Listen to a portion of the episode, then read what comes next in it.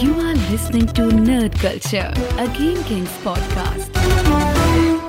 Yes, daar zijn we. Nieuwe Nerd Culture met vandaag Thijs van de Wouw. Hallo, Thijs, welkom. dankjewel Boris. Ik kan een half uur durende introductie over je ehm, eh, gaan afsteken, maar ik denk dat we daar vanzelf op gaan komen. Laat ik gewoon vertellen hoe we elkaar hebben leren kennen. Dat is namelijk heel grappig.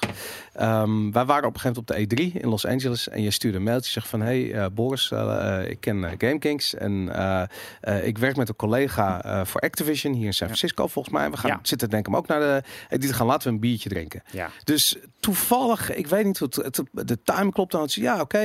toen hebben we op de Devolver eh, stand hebben we bier, gratis Ja. Devolver bier zitten drinken. ja, Eh, en sindsdien eh, hebben we elkaar nog een aantal keer gezien. Onder andere naar, in New York, waar je naartoe bent verhuisd. ja, Ehm, je bent een gamer van huis uit. van hart. Van, in hart en nieren. uit Brabant. Ja. Dat hoor je gelijk. Eindhoven. Eindhoven, de gekste. Gekst. En ehm, eh, ja, je bent eh, eigenlijk internationaal aan de slag gegaan ehm, in, eh, ja, hoe zal ik het zeggen, in, in de reclame, marketing, communicatie. Ja, marketing en een beetje een specialisatie in gaming uiteindelijk gekregen. ja.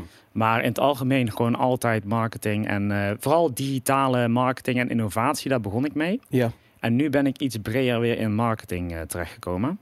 Want het gaat allemaal naar digitaal, dus het maakt allemaal niet meer zoveel Ja, uit. dat is eh. waar natuurlijk. Ja, want eh, toen ik je leerde kennen in LA, toen was jij verantwoordelijk wereldwijd voor de eh, social, digitale, online strategie van Activision Blizzard. Rondom onder andere Call of Duty, maar ook Skylanders en En Destiny. Destiny inderdaad.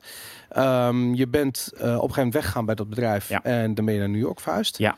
En nu ben je onder andere verantwoordelijk voor de digitale strategie van Tencent Gaming. En dat is, ik denk, de grootste gaming eh, eh, advertiser ter wereld Ja, ongeveer. wij hebben daar, eh, en nu doen we daar helaas niet meer zoveel werk meer voor, maar we hebben daar, ze hebben natuurlijk Arena of Valor, dat Ja, ken je misschien. Hun dat, League of Legends. Nou ja, dat was Honor of Kings in China. Dat was een, de- toen der tijd, toen PUBG nog niet zo groot was, was dat de game Ja. in China.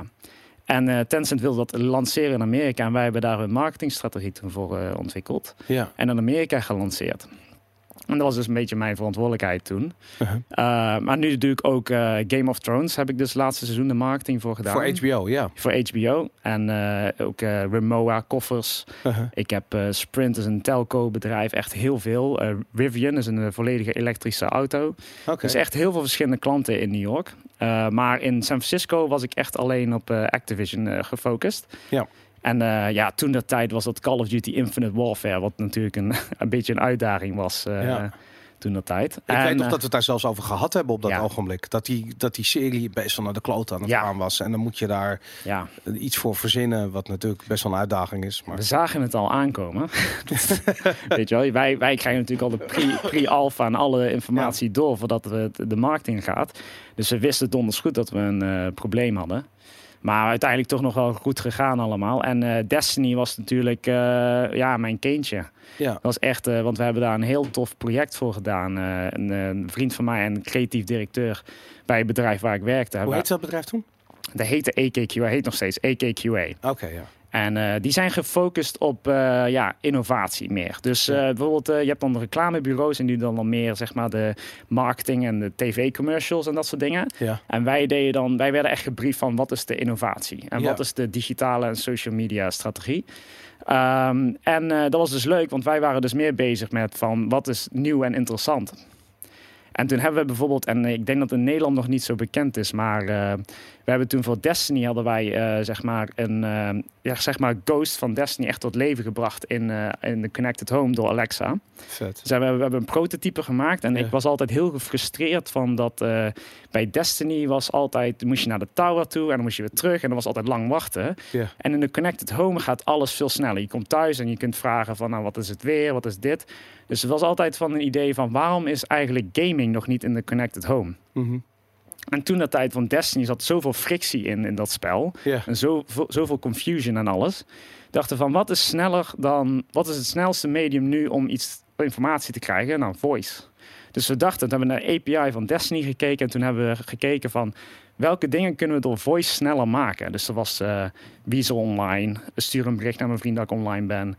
Uh, wat is mijn volgende missie? Uh-huh. Um, maar ook vervolgens eh, change my eh, rate eh, loadout. Weet je wel? Dus we, we wisselden gewoon de wapens. Ja, ja, ja. Gewoon live. Dus dat was heel innovatief.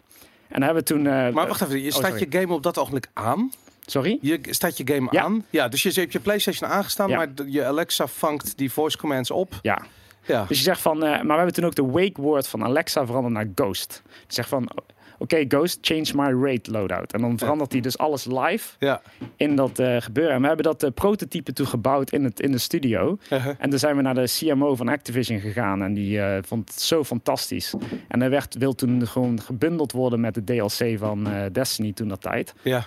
En ja, dat was fantastisch. Want Bungie, toen we naar Bungie gingen, toen zeiden ze van... Nou, dit was eigenlijk onze pre-order eh, device dat we wilden verkopen toen. Ja. Maar dat is eigenlijk veel te laat. Want we hadden eigenlijk dit met Destiny 1. Want ze hadden toen de tijd met eh, Destiny 1 gewoon een, eh, ja, een neppe. Hè? En Ja. deze kwam echt tot leven. Ja. Ja, en eh, dus eh de vonden het helemaal fantastisch. En dat is toen de, in Amazon de, zeg maar de nummer 1 gaming skill geworden ook. Vet. Super succesvol. Ja, vooral in Amerika. Want hier in Nederland volgens mij heb je niet echt eh, Amazon en eh, Alexa volgens mij wel. Heb je dat Het is er eh, wel, maar ik, ja, ik, ik moet je zeggen, ik heb zelf altijd grote moeite met dingen in mijn huis die Ja. constant naar me luisteren. Apparaten, daar heb ik een beetje moeite mee. Een beetje die Facebook-trauma wat ik heb opgelopen de afgelopen jaren. Ja. Ehm, maar ik, ja, ik ken niet mensen die het hebben, maar ik weet zeker dat het, het is er wel. Je kunt het gewoon bestellen. Ja. Wij hebben een soort van, we hebben half Amazon. Hè. We hebben Amazon.de. Dus als je naar Amazon.nl Oh. gaat, ga je naar Amazon.de slash NL of iets dergelijks. En dan is het wel in Nederlands. En ze leveren ook binnen een dag en service en alles. Maar Ja. het is toch niet helemaal hetzelfde of zo. Nee. Ik weet het niet. Maar Nee. goed. Maar goed, dus dat heb je gebouwd. En Ja. dat, eh, eh, want dat vind ik zo interessant. Dat ik, ik ken bijvoorbeeld, eh, ik weet dat je als je in Nederland met dat soort ideeën komt, Ja. dan ga je naar zo'n uitgever toe en dan wordt er diep gezucht. En dan zeggen ze van we hebben eigenlijk geen geld. En dan moet er iets naar Amerika gestuurd worden. En dan krijg je de reactie dat er geen geld is. En dan ja, aan het eind van de rit, je mag blij zijn als je in Nederland een keertje 10.000 euro krijgt voor een of ander om zoiets uit te werken. Maar het is gewoon om te, te Ja. janken gewoon. Terwijl in Amerika, daar is dat Ja. soort shit gewoon mogelijk. Ja, dat, dat- en, dat, en dat, eh, dat is mijn grote realisatie geweest. En dat vind ik het mooie aan Amerika. Eh, is zo opportunistisch daar. En het is daar heel erg van, als het idee maar goed is, dan is er geld voor. En, eh, en ik denk dat sowieso cultureel in Amerika wordt er iets meer, eh, worden kinderen ook iets meer opgevoed van alles is mogelijk. En Ja. hier in Nederland zijn wij toch best wel, weet je wel, conservatief, de juiste opleiding kiezen en al dat soort dingen. Ja. En eh, in Amerika, ik merk dat echt. Dat is een soort van opportunisme. En vooral in San Francisco, Los Angeles en New York. Van alles is mogelijk hier. En, eh, en ook zo eh, opereren zeg maar, bedrijven ook gewoon. Die, Ja. die, die hebben echt zoiets van nou, als, eh, als er geld voor of als het idee goed genoeg is.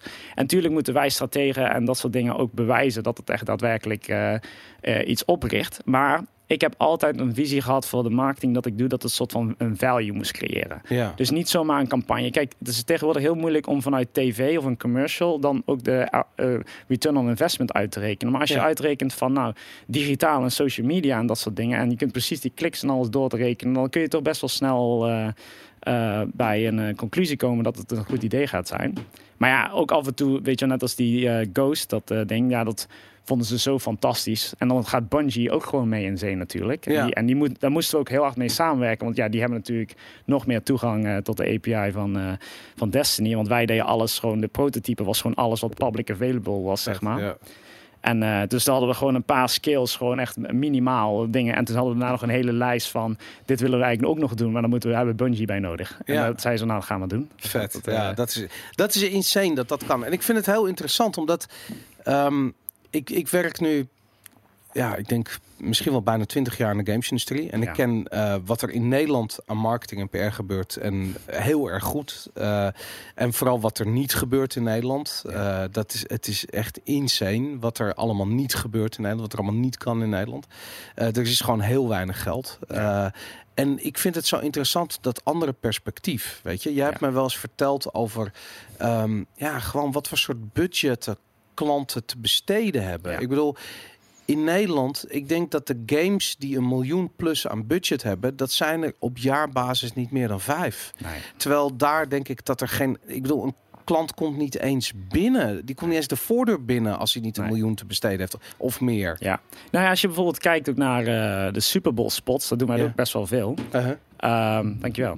Ehm dat doen we ook best wel veel. En dan alleen al zeg maar, op de Super Bowl staan zeg maar, voor 30 seconden, dan ben je al eh 3 miljoen of 2 miljoen kwijt. Ja. Dus Gewoon ja, de kosten van de... de kosten om ja. überhaupt mee te doen met de Oh, Super oh. Ehm, maar ja, dus, en, en dat zie je nu ook bij heel veel merken. Die zien ook nou de waarde van de Super Bowl spot niet zo meer. Omdat iedereen digitaal gaat en niemand kijkt met tv. Mhm. Maar ze beginnen wel al nu... Ja, er zit gewoon zoveel geld daar. En, het, eh, en, en dat vind ik als creatief vind ik dat leuk. Want ik, ja, hier in Nederland had ik nooit echt eh, de vrijheid om echt eh, eh, visionair te denken. En had ik in, in echt in San Francisco en New York Ja. wel. Dat alles mogelijk was. Ja. En dat, en dat cre- creëert heel veel vrijheid. En, dat, en, en, en voor mijn verantwoordelijkheid in San Francisco was toen echt van... wat is de visie van Destiny? Wat is de visie van Call of Duty? En hoe ziet dat eruit? Ja. Nou, dan ga je inderdaad in een connected home space denken. En zo komen die ideeën en zo allemaal te, tevoorschijn. En met Call of Duty hebben wij toen ook zo'n messenger bot gecreëerd. En dan, eh, we hebben letterlijk de oude spel geïnvade met het nieuwe spel, zeg maar. Ja. Dat soort ideeën. En dat zou hier in Nederland nooit gebeuren. Dat, eh, Nee, maar, en, en- Ja. maar ook het hele idee dat je inderdaad eh, ehm, daar vrij bent om eerst na te denken over een concept. Ja. Terwijl hier in Nederland wordt er altijd eerst nagedacht over geld. ja. En dan is er toch geen. Ik bedoel, dat, dan kill je elke creativiteit. En dat is ook. Dat, ik vind het ook een Nederlands ding. Dat is heel raar. Maar ehm, ik heb het idee. Eh, kijk, de, Amsterdam heeft een aantal grote internationale reclamebureaus waar een andere cultuur heerst. Ja. Maar over het algemeen in Nederland wordt creativiteit niet heel erg gewaardeerd. Nee. We zijn te nuchter daarvoor. We zijn in ieder geval te nuchter om er, om er waarde van in te zien. Ja. Zo, iedereen kan een goed idee hebben. Weet je? Iedereen kan, kan, kan een creatieve geest zijn. Maar het gaat Ja. om dat je hard werkt. Ja. Dat is Nederlands. Ja. En eh, in Amerika is het tegenovergestelde geval. Want die weten gewoon creativiteit. Dat is je product wat je verkoopt. Ja. Eh, dus dat is natuurlijk een... Ja, en, en, en in Amerika merk ik ook wel, het is ook een beetje een meer competitieve sfeer daar, merk ik. Gewoon hier in Nederland is het toch allemaal een beetje meer laid back. ja. Ik voel wel, in Amerika voelde ik wel altijd een druk van, hè, nou, hier moet je ook echt presteren. En Ja. eh, in, Amer- in Nederland was dat, eh, dus ja, natuurlijk hebben ze meer geld, maar ze, ze verwachten ook gewoon het beste van het beste. En Ja. die druk merk je wel. Die, eh, maar ja, ik bijvoorbeeld als persoon, ja, ik drive daarop. Ik, Ja. ik hou van druk en stress. En, eh, ik, Je leeft ja, op bij deadline. ja, ik, ik, ja ik, ik presteer niet als ik, niks, als ik, eh, als ik het rustig heb, weet je wel. Dan, dan, Ja. dan word ik helemaal anxious. En, Ja, wat totdat je kinderen hebt. Dan, ja, dan verandert dat. Dan verandert alles, inderdaad. Hey. Maar ik wil eventjes naar iets anders toe. Want niet lang geleden postte jij op LinkedIn een linkje naar een artikel wat je geschreven hebt. Samen met een collega volgens mij. Ja, nee, eh, ik had het geschreven, maar we hebben samen met een, eh, een andere stratege heb ik een analyse gedaan. Ja. Inderdaad. En de analyse kwam erop neer dat jullie Ja. gekeken hebben naar eh, Metacritic. Mhm. Ehm, jullie had eigenlijk, jij vertelde ook van ja, je had op een gegeven moment het idee dat er een soort van discrepantie aan het ontstaan was tussen de user ratings, dus de cijfers die gamers zelf geven aan videogames. En ehm, de, de staat van de markt bijna of zo. Kun je uitleggen hoe, Ja. dat, hoe dat idee tot stand is gekomen? Ja, nou eh, in principe, en jij, jij zei net al, voordat we dit opnamen ook al, ieder, ik denk ik persoonlijk en jij ook, had gewoon al het gevoel dat we met de game-industrie in ieder geval een beetje eh, achteruit gingen in, in, eh, in terms of van hoe blij we zijn met videospellen. Want er is de laatste tijd gewoon heel veel eh, oneenigheid over microtransactions en al die, al die dingen. De E3 was nou de meest disappointing E3 van alle tijden, gewoon Ja. in het algemeen. En eh, dat, dat zagen we gewoon aankomen. En ik, ik ben toen naar een, ja, wij hebben dan een data strategist, dat is dan weer helemaal gespecialiseerd in data. Mhm. En ik ben toen naar hem toegelopen. Ik zei, laten we nou eens gewoon even eh, Metacritic gaan analyseren. En gewoon alle cijfers, van die is gewoon online data. Mhm. Laten we die nou eens even in een eh, grafiekje zetten over de jaren heen en kijken hoe dat loopt. Nou, je zag gewoon letterlijk, en we zullen misschien hier in de podcast ook wel een linkje beneden in de dingen zetten, dat ze mensen ook thuis kunnen kijken. Mhm. Maar je zag letterlijk dat het helemaal naar beneden aan het kelderen was. Ja. Maar het grappige was dat rond 2004 dat er ook zeg maar van media en eh, zeg maar influencers en critics zeg maar zoals eh, ja Game Kings, maar dan zeg maar Mhm. grotere bladen, ehm, die echt, zeg maar de reviews zelfs maar een beetje omhoog hadden. Dus er was een heel groot verschil tussen de, de, de wat de, de media creëert en wat de, wat de ervaring is van de echte gamer. Ja. En, en, en ja, je kunt natuurlijk wel heel veel zeggen over waar, waar aan ligt. En ik vond altijd van ja, microtransactions, dat games te snel gereleased worden. Nu door online patches en zo kunnen ze het allemaal updaten en dat soort dingen. Al die redenen waarom wij denken dat het eh, zeg maar eh, minder is geworden, kun je eigenlijk Die samenvatten. beleving, hoe die, die- dat, dat, dus eigenlijk, je, je, je ziet gewoon van Ja. gamers zijn minder tevreden Ja. over, over de games die ze krijgen. Terwijl eigenlijk, Ja. je zou kunnen zeggen, Ja. onafhankelijk zou Ja. kunnen vaststellen van de kwaliteit van die Juist. productiekwaliteit van die games Ja. is hoger. Ja, en ik had dan ook het begin van het artikel even heel kort geschetst. En daar kun je heel veel data over vinden. Dat nu gaan eh, de revenues van gaming gaat tegenwoordig echt met bijna 20% elk jaar omhoog. Ja. Dus ondanks dat meer studio's en publishers als Activision en EA veel meer geld verdienen, toch gaan de kwaliteit van hoe wij eh, zeg maar games ervaren naar beneden. En waar ligt dat dan aan? En dat, eh, dat heeft heel veel te maken met gewoon dat wij vroeger hadden wij, als wij geld neerlegden voor een game, voor 60 of 70 gulden toen de tijd, toen kochten wij gewoon complete ervaringen. En nu k- besteden we nog steeds dat geld, alleen worden geen complete ervaringen meer gegeven. Dus wij hebben, als jij vroeger had jij een verwachting, als je een prijs neerlegt voor een spel, Ja. en jij koopt daar een ervaring voor, dat Ja. dat ook dan daadwerkelijk die ervaring levert. Maar Ja. nu betaal je geld en dan wordt de ervaring niet helemaal eh gemiet met, eh, wat, wat, wat mensen vinden eigenlijk. En Vind wat je, ze- is dat de volledige verklaring waarom eh, eh, gamers niet meer tevreden zijn over videogames? Nee, ik denk, ik, het heeft echt met heel veel dingen te maken. Want ik heb ook dus ook nog even wat op in het artikel zit het niet helemaal eh, specifiek uitgelegd van hoe het, de uitzonderingen zijn. Ja. Als je kijkt bijvoorbeeld naar Nintendo en PlayStation, want toen Ja. de tijd al een kleine opdracht voor PlayStation. Eh, PlayStation en Nintendo was vrij, eh, bleef best goed. Ja. Maar je zag dus, omdat de, de, de revenue models naar zeg maar post-purchase experiences gaat. Dus dat wil zeggen dat we nu de revenue voor ehm, Activision, EA's en alle studio's, dat komt meestal van eigenlijk de microtransaction, DLC's en al die dingen, die komen daarna. Ja. Zie je dat die spellen die zeg maar volledige single-player experiences creëren, Ja. dat die vrij hoog blijven. Dat mensen toch wel vrij heel, heel enthousiast over blijven. En dat is vooral Nintendo en, eh, en PlayStation. die- PlayStation, ja. ja. ja. En eh, Microsoft was eigenlijk een van de eerste die daar een beetje mee begon te introduceren. En als je naar het grafiek ook kijkt, van 2004 zie je dan in één keer een hele grote eh, daling naar beneden. Dat was Ja. ook rond die tijd begonnen microtransactions ook te komen. Ja, Dus dat is heel interessant om te zien. Want eh, ik denk dat het ook te maken heeft dat wij gewoon nu zo gefocust zijn op online, of, online multiplayer games en dat soort dingen. Ja. Dat, dat ja, die bedrijven die gaan gewoon meer revenue-focused werken. En dat, dat, dat zeg maar gewoon heel die experience van het spel. Maar ik, ik, ik, ik heb het idee dat er heel veel aan de hand is. Ja. Hè? En het is moeilijk om naar één ding te wijzen en te zeggen van dat is waarom mensen niet meer tevreden zijn. Ja. Maar één ding wat ik er ontzettend interessant aan vind, is dat als je, eh, en we hebben toevallig laatst nog een item daarover gedaan voor GameKings. Ehm, als je kijkt naar, weet ik veel, games van de Xbox 360. Weet je, niet eens twee generaties geleden, maar gewoon de Ja. vorige generaties. PlayStation 3 en Xbox 360.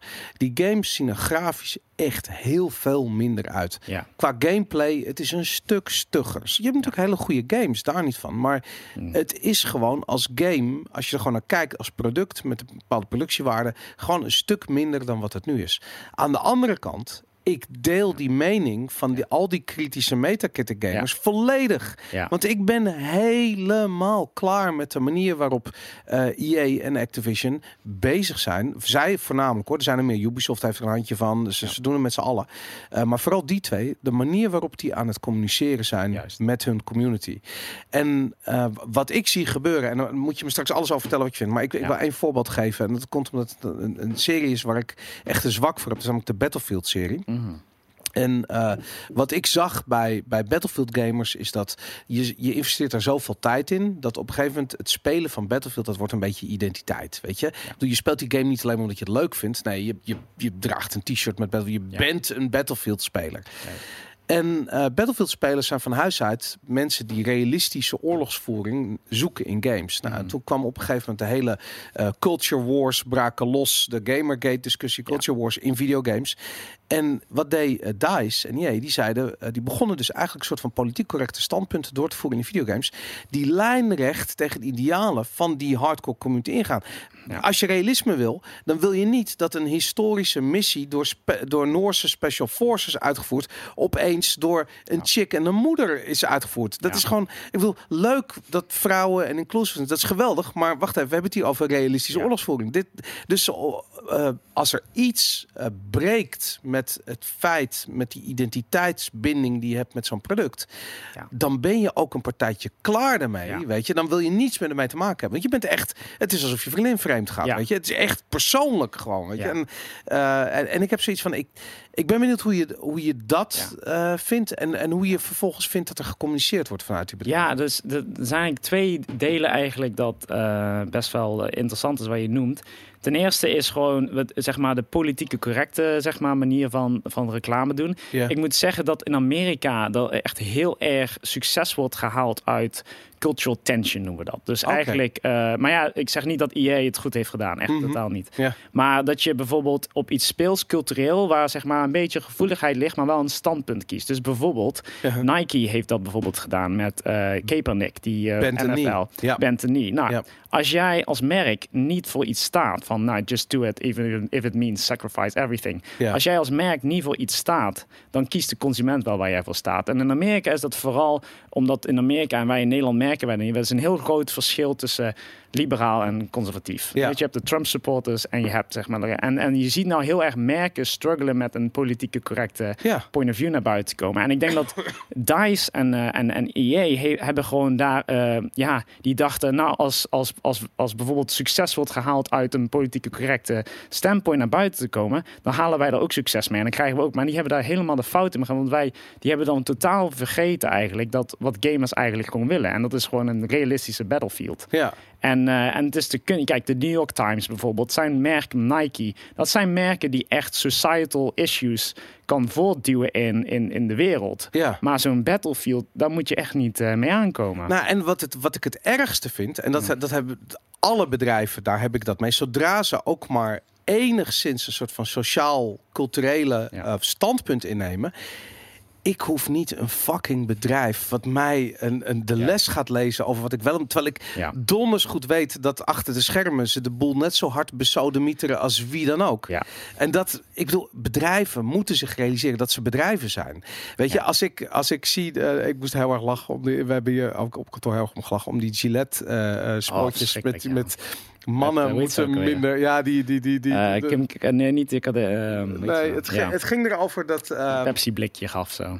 Nee, nee, het, die ging, het ging erover dat mannen eh, moeten minder man zijn. Het ging over toxic Oh, die, ja, masculinity. ja, ja, het En, en, maar het was heel erg soort van, eh, Ja. eh, ja, ik weet niet wat, wat de exacte zin was, maar het, het ging er echt om van mannen moeten niet zo mannelijk doen. Ja. Maar ik heb zoiets van, je, maar het is wel je doelgroep. Je gaat toch op zijn minst 50% van die mensen ga je van je vervreemden op het moment dat je. Waarom doen ze dat? Ja, nou, dat, dan denken ze dus, omdat er dus zo'n tension in dat zit, dat er over gepraat gaat worden. En dat zo'n zoiets viral gaat. En dat zoiets, dat denken ze, maar ze hebben totaal niet in de gaten wat het zeg maar voor backlash ook kan Hoe, creëren. kan, hoe kunnen ze niet in de gaten Ik, hebben? nee, Want maar dat- dat, dat kan, ik, ik kan maar één ding over zeggen, dat is gewoon een stomme strategie. Dat is, Ja?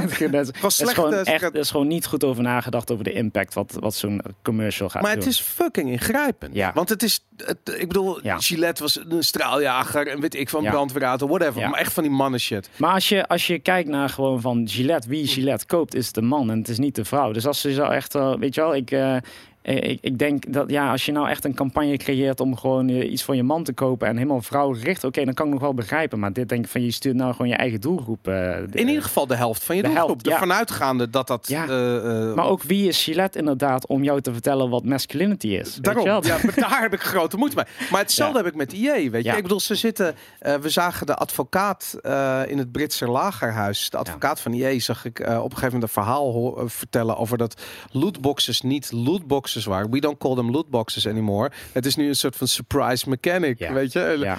eh, weet, iedereen heeft iets van, oh jezus, weet je. Ik bedoel, het is zo pijnlijk. En iedereen weet, ze, het kan ze geen flikker schelen dat het kinderen zijn die daar honderden dollars eh, in die shit steken. Er zit geen enkel moreel kompas bij zo'n bedrijf. Maar nee, ze gaan ons wel vertellen dat die Tweede Wereldoorlog, dat er toch wel heel veel vrouwelijke verzetstrijders waren. Weet je, ik bedoel, Ja. fuck off. Maar er zijn ook uitzonderingen. En dan eh, bijvoorbeeld bij het bedrijf waar ik werk. Wij doen dus voor de New York Times doen wij alle commercials en alle marketing. ja. Daar werkt het echt gigantisch goed. Dat wordt echt zo goed eh, ge- gewaardeerd daar. Dus in de New York Times, bijvoorbeeld in Amerika, zit er zo'n groot verschil tussen eh, de zeg maar divide tussen mensen. Dus je bent of extreem voor Trump en je bent conservatief, of je bent liberaal en eh, democraat, zeg maar. Ja. Ehm, en de New York Times, in de media werd natuurlijk allemaal fake news en heel die trends. En eh, op een gegeven moment eh, de New York Times met ons eh, gewoon besloten van wij staan voor de waarheid. Ja. En wij gaan heel ver voor de waarheid. Dus die heeft toen heel, eh, ja, we hebben campagnes gecreëerd waar je ziet hoe journalisten, hoe ver ze gaan Ja. om de waarheid te krijgen. En dat heeft te maken met eh, ja, serie en al die dingen. En die hebben echt een keuze gemaakt om voor die andere partij te staan. Dus de tegen En, en ja, die subscription is echt helemaal de lucht ingeschoten. En die hebben een keuze. Maar, maar je moet er wel uitkijken van wat voor merk kan wel überhaupt... Kijk, een, een krant kan ik begrijpen. Dat je een Ja. politieke correct of een politieke Nou, de, standpunt een krant heeft neemt. altijd een bepaalde kleur Juist. natuurlijk. Ja, daarom. Dat snap Maar ik. bijvoorbeeld zo'n IE, ja. Nee, ik zou dat totaal niet aanraden om daarmee te beginnen. Nou ja, en sterker Ja. nog, er wordt ook eh, steeds gezegd. eh, dat gaat nu wel heel erg over, over, over, deze, over die culture wars. Maar, maar, maar nee, nee, maar nee, dat is, Ja. ik vind, het is een onderwerp wat me mateloos fascineert. Omdat het in het bredere plaatje iets zegt over hoe die bedrijven over communicatie nadenken. Want ik vind namelijk dat als je dat doet, hè, eh, ik bedoel, ik begrijp die Patrick Söderlund, die dat Hmm. eh, was ooit directeur bij DICE, werd toen verantwoordelijk voor alle gameproductie bij EA, is een Zweed. Ja. Zweden is gewoon eigenlijk heel unaniem, ehm, heel erg politiek correct. Ja. Weet je, ik bedoel, dat is gewoon een ding in Zweden. Weet je, die mensen die dat zijn, het zijn bijna aliens. Weet je, als je Ja. het over hun sociaal, het is vrij eenkennig daarin. Nou goed, prima. Ehm, maar alleen wordt dat vertaald naar een wereldwijd publiek. En dat wordt dus ook bijvoorbeeld in, weet ik veel, in Brazilië verkocht, waar een de, het is 180 graden anders, bij wijze van spreken. Dus en de rest van de wereld zit er een beetje tussenin. En het verbaast mij dat ze opkijken van de, van de, eh, eh, eh, hoe noem je het? Van de, van de, van de backlash die er komt, van, Ja. van de boodschap. Maar en vervolgens dus op een podium zeggen, hey, als je het niet leuk vindt, dan koop je de game toch niet. Ja, ja. En ik heb echt zoiets van, zit ik hier naar een beursgenoteerd bedrijf te kijken? Ja. Of zit ik hier naar, naar Greenpeace te kijken? Nee. Wat is dit? Maar ik, ik, ik moet ook eerlijk zeggen, gewoon dat in, in onze community, in de, in de marketingwereld, daar wordt ook echt, echt over flink gefeestpalmd hoor. Van, dat dit, dit is echt verschrikkelijk. dat kun je toch niet zeggen? Je Nee. kunt toch niet zeggen, ik bedoel, als communicatie je doel is, Ja. kun je toch niet zeggen van, nou rot je het Ja. op. Dat kan toch niet? Nee, nee, ik ben het helemaal, mee eens. En ten tweede, en daar- daar raakte jij net even op, is gewoon dat in Amerika ook nog gewoon, of ja, nu het algemeen in communicatie, Hm. gewoon ook gewoon de verkeerde verwachting wordt gesteld met, nou zie je het bijvoorbeeld met de E3. Ja, We laten gewoon over de top CGI trailers zien. ja. En die niet echt transcenden naar een ge- geweldige gameplay, weet je wel? Dus, Ja. dus we zetten al vooraf überhaupt een hype creëren, dat zetten we al de verkeerde verwachtingen. Dan krijgen we het spel en dan ziet het niet zo uit zoals we denken dat het Ja. is. En dat is er ook nog een ander level van geen verwachting eh, eh, schetsen daar. Ja. Maar want dat, eh, eh, kijk, dat, dat hebben we een aantal jaar geleden gezien. Toen was Ja. dat echt bijna een plaag. Toen is het een tijdje weg geweest. Toen leek het erop alsof eh, developers en uitgevers het belangrijk vonden om een ja, wat realistischer beeld van videogames te Ja. scheppen. Afgelopen E3 was weer gewoon één groot. CGI-fest. Ja. Ehm, eh, in het verleden heeft Ja. het heel vaak verkeerd uitgepakt. Ja, en dat is waar de toekomst van marketing dus een beetje heen gaat. En dan merk ik heel erg in mijn industrie Ja. van dat nu in plaats van dus naar puur communicatie, tv en commercials, gaat het echt over totale brand experience. Dus dat wil zeggen dat we de, de pre-purchase en de post-purchase experience moet net zo goed zijn. Ja. Je kunt niet meer zeg maar zoveel hype creëren dat geweldig in de pre-purchase en dat in de post-purchase niks meer eh, ge- geen goede gameplay is of de product niet goed werkt. Dat er nu zeg maar als marketeer moet je echt holistically naar de, ja wij noemen dat een beetje de customer journey, zeg Maar maar, de hele journey. Dat, Maar ik vind dat- het fascinerend. We hebben een Ja. keertje voor een hele kleine uitgever hebben wij een communicatietraject gedaan, een trailer gemaakt van een game, Mm. omdat ik wilde weten hoe dat was. ja. En wa wat ik toen merkte, dat vond ik fascinerend. Ik bedoel, die studio die die game aan het maken was, die waren gewoon, die sliepen niet meer. Die waren in crunch time. Het was een gekhuis. Eh, wij moesten beelden proberen los te krijgen om te gebruiken voor een trailer. Er was niet nagedacht over communicatie nog. Dus er waren ook niet echt beelden beschikbaar. Anders dan gewoon gameplay footage van hier is een beter, doe Ja. er maar wat mee. Ehm, en dat betekent dat je dus in het aller, aller, allerlaatste eh, stadium van de ontwikkeling van de game moet gaan nadenken over hoe je die game gaat communiceren. Ja. Terwijl de gevolgen van je bevindingen op dat ogenblik misschien wel gevolgen hebben voor wat die game in de eerste plaats had moeten zijn. Ja. En eigenlijk had ik zoiets, en dat eh, later ook met, die, eh, eh, met de eigenaar van die uitgever besproken. Eigenlijk is het raar dat het communicatietraject niet tegelijkertijd met het conceptuele traject van de game samenvalt. En dat heeft ook heel erg te maken, en dat heb ik gemerkt als uh, buitenstaander van die studio's en eigenlijk als marketeer van die studio's. Die studio's zijn, en eh, vooral zeg maar, kijk nou naar Bungie en al die, dat zijn world-class studio's. Die, Ja. En die zijn natuurlijk, en ze hebben ook recht ook, gewoon heel protective over hun IP's. Ja. En ze, ze, als wij marketeers krijgen ha- bijna geen informatie. Ja, En dat is heel lastig, want dan ga je dan in één keer met ja, assets die zij creëren, moet jij dan iets, iets maken. ja. En je kunt dan twee dingen doen. Nou, nou ja, daarom ben ik ook best wel fan hoe GTA en Rockstar het doet. Want Mhm. die, ja, die zetten gewoon bijna geen verwachtingen. En die Ja. komen gewoon uit. Weet je wel, zo, en zo kan het ook. En eh, Maar is dat Ja. niet ook een vorm van verwachting creëren? ja, ja, en, ja, Ja, precies. En, en, maar ik denk wel dat wij met zo weinig materiaal uh, proberen wij toch wel een beetje uit te stippelen dat je niet te veel uh, moet laten zien. En zeker nu met deze media en digitale omgeving waar we in zitten, dat ze alles geleakt wordt uh, tegenwoordig. Ze zijn heel voorzichtig met marketing agencies en zo om überhaupt iets te laten zien. Ja. Dus daar, je hebt ook weinig ruimte dan daarvoor. Is dat de reden waarom, kijk, ik kan me voorstellen, een CGI betekent gewoon de 3D-models en de assets naar een of ander productiebureau sturen, die daar vervolgens mee aan de slag gaat en met een ja. trailer terugkomt. Wat, Waar iedereen die aan, met zijn bezig is zich niet druk over hoeft te maken. Wat echt gewoon een tweetje is tussen waarschijnlijk een reclamebureau en een productiebedrijf. En waar de studio alleen maar zijn akkoord op geeft op een gegeven moment. Maar wat niets te maken heeft met de uiteindelijke kwaliteit van de game. Is dat, is dat wat er aan de hand is? Ja, nee, ik, ik, ik denk dat het ook te maken heeft gewoon dat ze op, op dat moment nog niet, uh, zeg maar, polished uh, gameplay, zeg maar. Dat wordt pas eigenlijk een beetje op het eind ook pas uh, echt toegevoegd. dus ze, ja, als ik bijvoorbeeld ook keek gewoon naar Call of Duty, ja, de, de, gameplay kan helemaal fantastisch in elkaar zitten, maar ze hebben nog niet dan misschien het materiaal om echt naar buiten te kunnen daarmee. Maar ze hebben wel de CGI-trailers en dat soort dingen. Ze moeten met iets komen en er zit gewoon heel veel druk achter. Maar ja, ten tweede ook gewoon waar de verwachtingen verkeerd worden gesteld, is ook gewoon het feit dat uh, journalisten, net als jullie bijvoorbeeld, worden mhm. ook in heel erg gesloten environment zeg maar binnengehaald. Ja. En heel erg uh, geleid laten zien van hoe geweldig dit spel is. Ja. En uh, dat, dat krijg je dus, ja, media en, uh, en publishers en zo, die krijgen, of mediabedrijven, die krijgen gewoon en journalisten die krijgen gewoon het spel al eerder. En in een gesloten environment. Even kijken, even naar DICE vliegen in Zweden. En dan gaan we daar het spel proberen in echt een gesloten environment. En dan komen mensen misschien zoals Koos of Jelle komen terug en denken, nou, Battlefield was helemaal geweldig. Het was dat fantastisch uit en we geven het acht. Ja, niet dat jullie uh, een, een, rating geven, gelukkig. Maar uh, zo worden ook al verwachtingen geschetst. En dan komt het spel uit of de beta is en dan is het helemaal gebroken. En ten tweede ook nog, dat is ook een heel groot. Nu met uh, eh, DLC's en season passes worden, worden wij al een beetje bedrukt om alvast geld neer te leggen voor iets wat we nog niet weten wat er gaat komen. Dus hoe vaak heb je een season pass gekocht waar je precies weet wat er gaat komen? Nou, niet. niet. En je doet het maar omdat je denkt van, nou ja, ik ga dadelijk misschien een tientje of twintig ga ik besparen, omdat ik denk dat ik toch deze Call of Duty toch wel nog wel een jaar blijf spelen. Nou, en alleen in de, binnen de dynamiek van het verheugen op.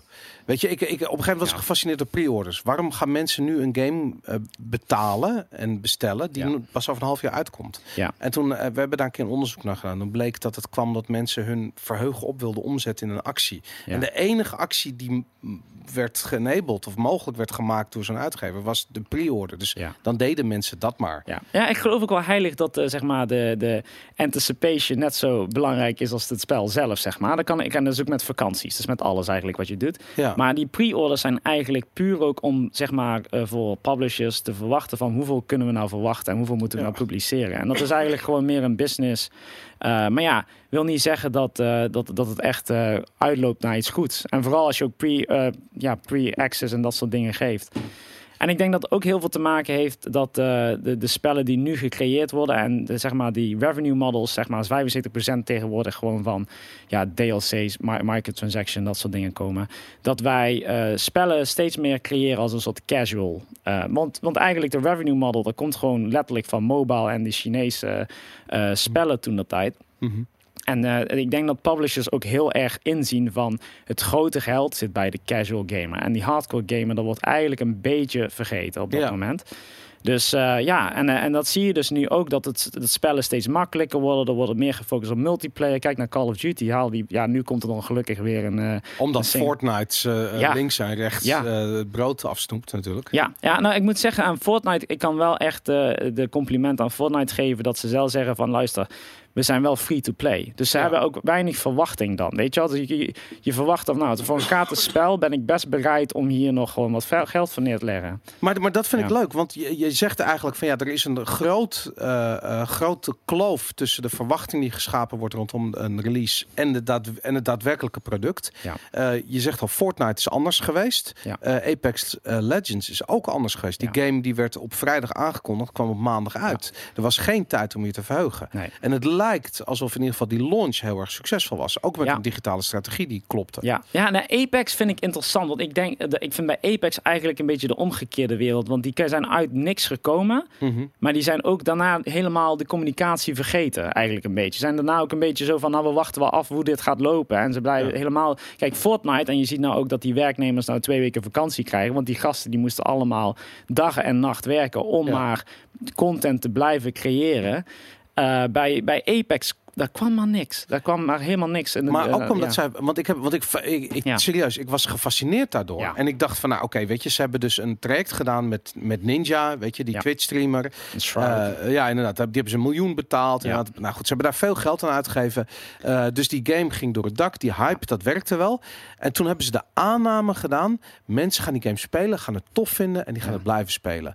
Mensen hebben de game één keer opgestart, vonden het niet tof en zijn afgehaakt. Ja, ik ben, ik, ik, Apex was een van die spellen waar ik wel echt aan bleef. Maar op een gegeven moment dan ben je er ook wel een beetje klaar mee. En dan moet er iets nieuws komen. Of een nieuwe map. Of, eh, en, en Apex heeft dat alleen met één of twee karakters gedaan. En dat verandert de gameplay niet echt. eh, Ja. Maar het is toch een ja. ontzettend generieke game. Ja. Weet je, ik bedoel, je kan, het, je kan ervan houden of je kan het haten. Maar Ja. ik heb juist da- daarin is het weer typisch een videogame. Dat als dit wel een jaar lang van tevoren gehyped was, dan wa- was een grote teleurstelling geworden. Eh, omdat het zo'n generieke ervaring is. Maar ik moet wel zeggen, en dat heeft Apex goed gedaan. En dat eh, merken heel veel marketeers die zien aan de. eh, die, ja, Twitch bijvoorbeeld is heel erg nieuw voor niet. eh, gamebedrijven, dus Ja. bedrijven die daar buiten. En ik denk dat Apex gewoon slim is geweest. En die zegt van, nou, als, eh, zo zit ik persoonlijk ook in elkaar. Als ik Shroud Apex zie spelen, ja, natuurlijk ga ik het even proberen. Of weet Ja. je wel, nou, maar ik moet wel zeggen dat Shroud en Ninja en al die ook authentiek fan waren van het spel. Kijk, je Is ziet dat zo? nou ja, nee, ik bedoel, Shroud toch wel. Toch, toch wel. Die waren toch wel fan van, van Ze het hebben die game bedrijf. toch ook... eh, Nee man, die hebben gewoon een miljoen gehad. Daar zijn ze fan van. Ja, nee, ze zijn maar- gewoon goed in wat ze doen. Ja, dat klopt. Maar ik denk, ik denk dat ze ook daadwerkelijk... Je kunt toch ook wel zien wanneer het, het, het niet leuk is. Nou, Ja. ja. misschien. Ja. Ik weet het. Ik heb mijn twijfels erover. Want ik vond namelijk bij... Ik weet niet of je de, ehm, eh, de reveal van Borderlands 3 hebt gevolgd. Nee, dat heb ik niet. eh, Oké, nou, ik, ja. ik zat je kort vertellen. Ze hebben een evenement gedaan eh, in LA ergens. eh, volgens mij Universal Studios. Eh, journalisten konden daar de game spelen. En ze hadden allemaal streamers en, en influencers uitgenodigd. En Ja. eerst hebben ze zelf... eh, Randy Pitch kwam op het podium en die ging vertellen hoe fantastisch het allemaal was. Die ging wat laten zien. En daarna ging de stream, de officiële stream door. Ja. En ze gaven influencers de mogelijkheid om content om aan de game te spelen. En te streamen op, op die hardware die daar stond. Ja. Naar hun eigen kanaal. Nou, en die kanalen werden, daar werd tussen geschakeld. En dat was eigenlijk nog de content van de rest van de avond, Ja. bij spreken. En wat je dus zag, was een eh, schier eindeloze hoeveelheid eh, Twitch-streamers. Die allemaal zoiets hadden van... Ja man, dit is echt fucking awesome. En nou, ze zeiden geen fucking helaas. Maar ze zeiden van... Ja, dit is awesome. En ik verheug me zo dat het komt. En kijk, ik kan dit en ik kan dat.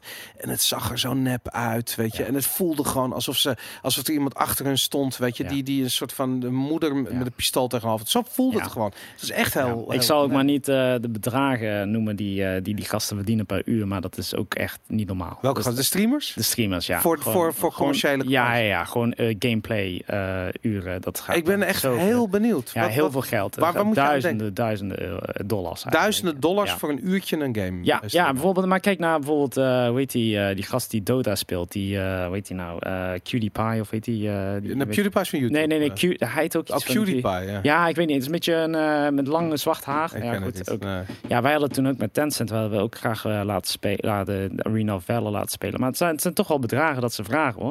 Ja? En, ze, en en als, ze, als het niet bevalt, dan spelen ze gewoon een spel dat ze leuk vinden. Maar die, Ja. er zijn, ja, vooral Fortnite. En ik weet nog wel toen ik eh, bij de E3 was, niet vorig, eh, dit jaar, maar vorig jaar.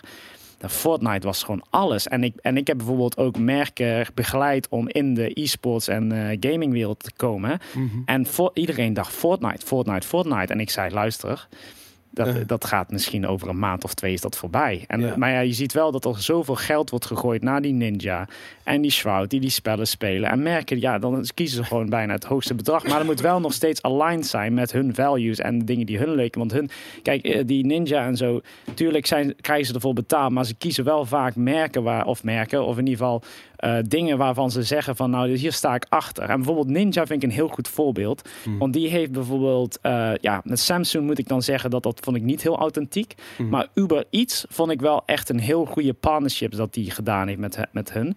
Dus met Uber Eats was zo zeg maar, nou, een van de eerste sponsors van Ninja. Mhm. En, eh, En in plaats van echt gewoon overal Uber iets te zetten, ja, tuurlijk heeft dit wel allemaal aan de achtergrond een beetje staan. Zei Uber iets van, nou, weet je wat? Wij gaan een, een challenge doen en we geven 1% korting voor mensen thuis Ja. als jij een kill krijgt. En als jij nou 20 kills krijgt, krijg je 20% korting thuis op Uber Eats. Vet. Nou, dat vind ik echt een value voor zijn community en hemzelf. Want voor Uber Eats alleen al, hij hoeft niet de, st- de stream te stoppen. Hij kan gewoon bestellen en blijven eten, wat een value is voor zijn community.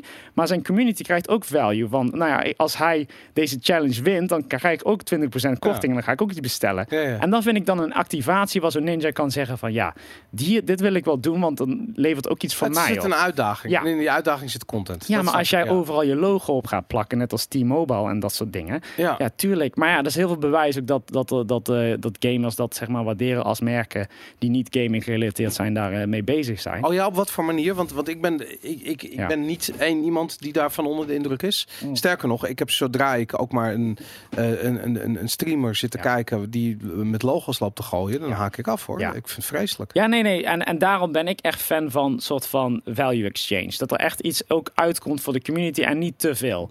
En ik denk dat bij, bij, bij Ninja is dan natuurlijk die Red Bull er weer helemaal mee doodgegooid. En dat, ja, ik, ik ben daar zelf niet. Ik vind het verschrikkelijk. Ja. Maar ik wil dan zo'n Uber iets die, die vinden dat- die dan gewoon een beetje eh, eh, dat een beetje casual doet en met value vind ik wel waardeer. Maar ik moet zeggen, en ik heb daar ook een ander artikel over geschreven over dit verhaal, maar dat, eh, dat was de enige voorbeeld dat ik kon vinden waar merken een beetje goed geactiveerd hadden met die community. Eh, Ja. Voor de rest wordt er echt heel slecht mee omgegaan.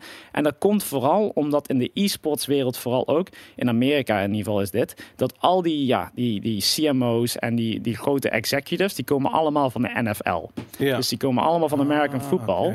En die, die benaderen e-sports als een traditionele sport. Dus die zien dat als echt als media buy. Dus als, als ik daar bij Ninja, dan plak ik mijn logo Team Marlboro erop. Overal roze, overal mooi. Eh, en dat is, dat is prima. Maar die, die begrijpen de community, vind ik in ieder geval, Dat werkt niet goed. op die manier. Ja. Ja. Maar er is in ieder geval geld daar in Amerika. Ik bedoel, Ja. ik ben eh, eh, gefascineerd door het feit dat er in Amerika echt grote bedragen omgaan in e-sports. Ik Ja. vind het echt ongelooflijk. Ook omdat ik, als je een beetje kijkt naar de, eh, het bereik en de, ik weet dat er ontzettend gegoocheld wordt met cijfers, maar ik bedoel, er zijn twee of drie hele grote toernooien in een jaar. En echt, daar kijken miljoenen mensen. Dat zie ik ook wel. Ja. Maar doorgaans eh, is het gewoon echt iets heel anders. Ja. En dat, ik- dat dat niet... Ja, dat dat niet resoneert, dat dat muntje niet valt, dat het echt iets anders is, dat Ja. begrijp ik niet. Ja, Hoe, ja hoe ik, komt dat? ja, dat ze gewoon. is dat wishful thinking van adverteerders? Ja, nou, ik moet, zeggen, ik, ik moet gewoon eerlijk zeggen, van, er zijn maar heel weinig. eh, eh, ja, ten eerste ook gewoon wat ik merk is in ieder geval dat eh, er is een, een beetje een, een, eh, ja, een verschil tussen... nou, nou, gamebedrijven vinden in ieder geval dat marketingbureaus gamers niet begrijpen. Dus wat ik echt bijvoorbeeld ook merk, en daarom heb ik een beetje een specialisatie ingecreëerd, is dat in agencies, er zijn niet veel gamers. Of er zijn in ieder geval niet echt passioneerde gamers. En dus de studios en publishers zeggen ook gewoon vaak, wij doen het wel. Ja. Terwijl er in Amerika onwijs goede agencies en marketingbureaus zijn die echt fantastisch werk creëren. Ja. Maar die benaderen bijvoorbeeld games dan ook als een normaal merk. Ja. En eh, er- je ziet weinig eh, zeg maar world-class agencies en marketingbureaus bijvoorbeeld die echt gespecialiseerd zijn in gaming. Ja. En dat is gewoon heel lastig. En ik denk dat het daardoor ook gewoon niet goed, eh, dat dat er niet goed ge, ja, gecommuniceerd wordt vanuit eh, de, de grote publishers. Want die, ja, die denken van wij doen het zelf wel. Maar ja, wij, die hebben ook niet echt heel erg verstand hoe je echt. eh, Maar dat is zo interessant. Het lijkt wel te- bij het ontstaan van die hele industrie leek wel alsof alles gedaan werd door mensen die ooit games programmeerden. Zo Ja. begon het. Weet je, dus die, die, en, en die hebben zoiets van ja, ik kan elk probleem kan ik oplossen met het schrijven van een van code. ja. En eh, ze snapte communicatie niet. En het tot heel erg lang. En ik, misschien is dat nog steeds wel zo. eh, heb ik het idee dat een game gemarket wordt in plaats van dat de franchise gemarket wordt. Ja.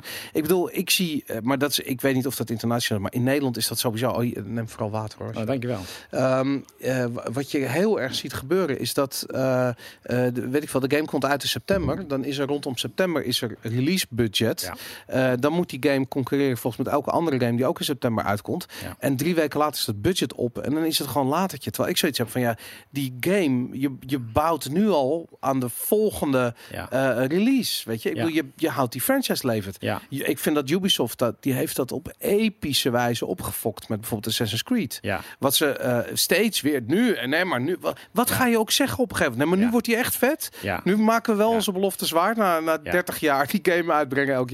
Ja, ben ik helemaal mee eens. En, eh, en ik denk met Call of Duty, ik moet zeggen, bijvoorbeeld Call of Duty is zo'n franchise dat blijft ook classic COD soms. Weet je wel, dat, eh, dat is wel een franchise. Kijk, Ja. ik moet wel zeggen, en dat heb ik ook gerealiseerd van, ja, als de, de gemiddelde gamer, en vooral in Amerika, dat, dat, ik dacht, wij zijn ook uitzonderingen bij. Wij kopen misschien wel acht spellen per jaar of misschien wel meer. Ja, inderdaad. Ja, maar eh, in Amerika, of niet de algemene gamer waar echt het meeste geld zit, die koopt misschien één of twee spellen per jaar. Klopt. Ja. En wat kies je dan? Misschien een FIFA of en een Call of Duty en that's it. ja. En die houden het dan ook gewoon vrij, gewoon classic. Weet je, je hoeft niet meer eh, ja, heel eh, dingen uit de tent te halen, want ze halen het toch wel Vaak voor de singleplayer ook nog kopen ze hem. Zeker weten. Ja. En er is trouwens ook heel groot verschil tussen Europa en Amerika en dat Oh ja? gebied. Ja. In Europa zijn wij vrijwel meer single player focused. Eh, Ja, dat is onderzoek dat, dat ik dan een paar jaar geleden gedaan heb. Maar in Amerika is het toch wel iets meer multiplayer focused. En toen dat tijd met Kevin Spacey en zo in House of Cards en zo werd dat natuurlijk ook wel heel goed gehyped allemaal. Ja. Maar ja, ik, eh, ik, vind, ik vind het zo interessant hoe, eh, hoe, hoe die verschillen zitten. Maar ik, eh, ik denk dat met bijvoorbeeld Call of Duty hebben ze nu gerealiseerd van er moet een singleplayer komen. Ja. En die gaat komen. En je ziet dat ook de reacties ook fantastisch zijn. Ja, je zei net al van classic COD, hè? Ja. Ik vind het grappig, maar eigenlijk heb je daar al Ja, de essentie van het feit wat zij al die tijd hebben laten liggen, is wat COD was. ja, COD was vet. ja. Is het nu niet meer? Ze Nee. moeten dat, die, die, die, die, die, die waarde van toen nemen. En nu, ik bedoel, zij moeten niet één Ja. keer Modern Warfare remasteren. Ze moeten gewoon ja. classic COD terugbrengen. Ja. En ik denk dat hun ook gewoon met... eh, kijk, die hebben toen heel veel lopen cyclen met die drie studios. Treyarch, Sledgehammer. Games en... ehm, eh, wat is die laatste? Infinite Ward. Ehm, die, die, ja, elk, die, die switchen dus elk jaar van studio. Maar op een gegeven moment wordt die, die druk ook wat gewoon hoger natuurlijk. Die, Ja. eh, en, en, eh, en met die tight deadlines en zo. En op een gegeven moment gaan studios ook samenwerken. Want op een gegeven moment... En dan, en dan verlies je ook een beetje de essentie van zo'n zo'n zo'n classic COD, weet je. Ja. Want elke studio heeft een andere visie. Er wordt al, weet je, de, de grote CEO's hebben allemaal mening hoe het allemaal moet. Eh, en zo wordt dat ook een beetje verloren. En ik denk dat ook gewoon met Call of Duty ook gewoon de essentie op een gegeven moment dan ook van eh, een beetje verloren is. Omdat we ook met heel erg met de visie van oh, Fortnite is helemaal, helemaal hip en happening, daar moeten we ook iets mee doen. Zeg Ja. maar. en, dat, en dat zie je dus. En, en, en nu, ik denk dat we nu het echt, echt een behoefte hebben aan zo'n classic Ja. weer. En eh, helaas het toch wel de, zeg maar, de richting in meer de casual en de free-to-play. En kijk maar naar Microsoft trouwens. Ja, ook, ja. Hey, even terug naar jouw, Ja. jouw verhaal, jouw onderzoek wat jullie gedaan hebben. Ja. Eh, twee dingen vind ik heel interessant. Eh, ten eerste, eh, dus, het, de, de, dus die kloof die er ontstaat tussen mensen die zich verheugen op games en vervolgens teleurgesteld raken bij de uiteindelijke release. Wat voor soort reacties heb je gehad uit de game-industrie op dat verhaal? Op dat verhaal. Ja, nou, ik moet zeggen wel heel goed hoor. Want, ze waren eigenlijk wel, ja... Ik moet zeggen, ze, ze, ze zeiden al van de reactie die ik heb gehad van de game-industrie was er van, nou ja, ze hadden eigenlijk nog nooit echt iemand gezien die het echt had gearticuleerd, zeg maar, op, het, eh, op, een, op een grafiekje. Je, we, we, de- we zeggen dan, we roepen het allemaal, ja, maar er komt ook, er is ook een grotere toxic community en we zijn allemaal. Maar als je echt kijkt naar van de kwaliteit van spellen, die gaan echt omhoog. Ja. Maar de, de- ja, de, de reviews gaan gewoon naar beneden. En waar ligt dat aan? En ik heb dan ook gewoon letterlijk... Ja, wij hebben dan helaas nu even geen eh, gaming client meer. Maar kom maar naar ons toe en, en ik vertel me eventjes waar het aan ligt. En wij kunnen precies ook analyseren van eh, wat de reacties dan meestal zijn. En dat is Ja. puur ook gewoon dat de games bijvoorbeeld broken zijn of wat dan ook. Maar ik denk dat dat voor een gamebedrijf natuurlijk super valuable is. Dat je weet precies van waar ligt dat nou aan. En je kunt Ja. dat precies zien verschillende soorten franchises waar het aan ligt. Maar is Ja. het, ik, kijk, ik, ik, hoor jou zeggen, het ligt aan, eh, aan, aan bepaalde technische eh, Ja. fouten die gemaakt worden. Ik heb zoiets van, dat Ja. is niet het probleem. Het probleem is de communicatie. Ja. Wat jij zegt, hè, van ja, het ligt aan toxic community. Wat, Mm. wat die toxic community is, Ja. is een kritische community.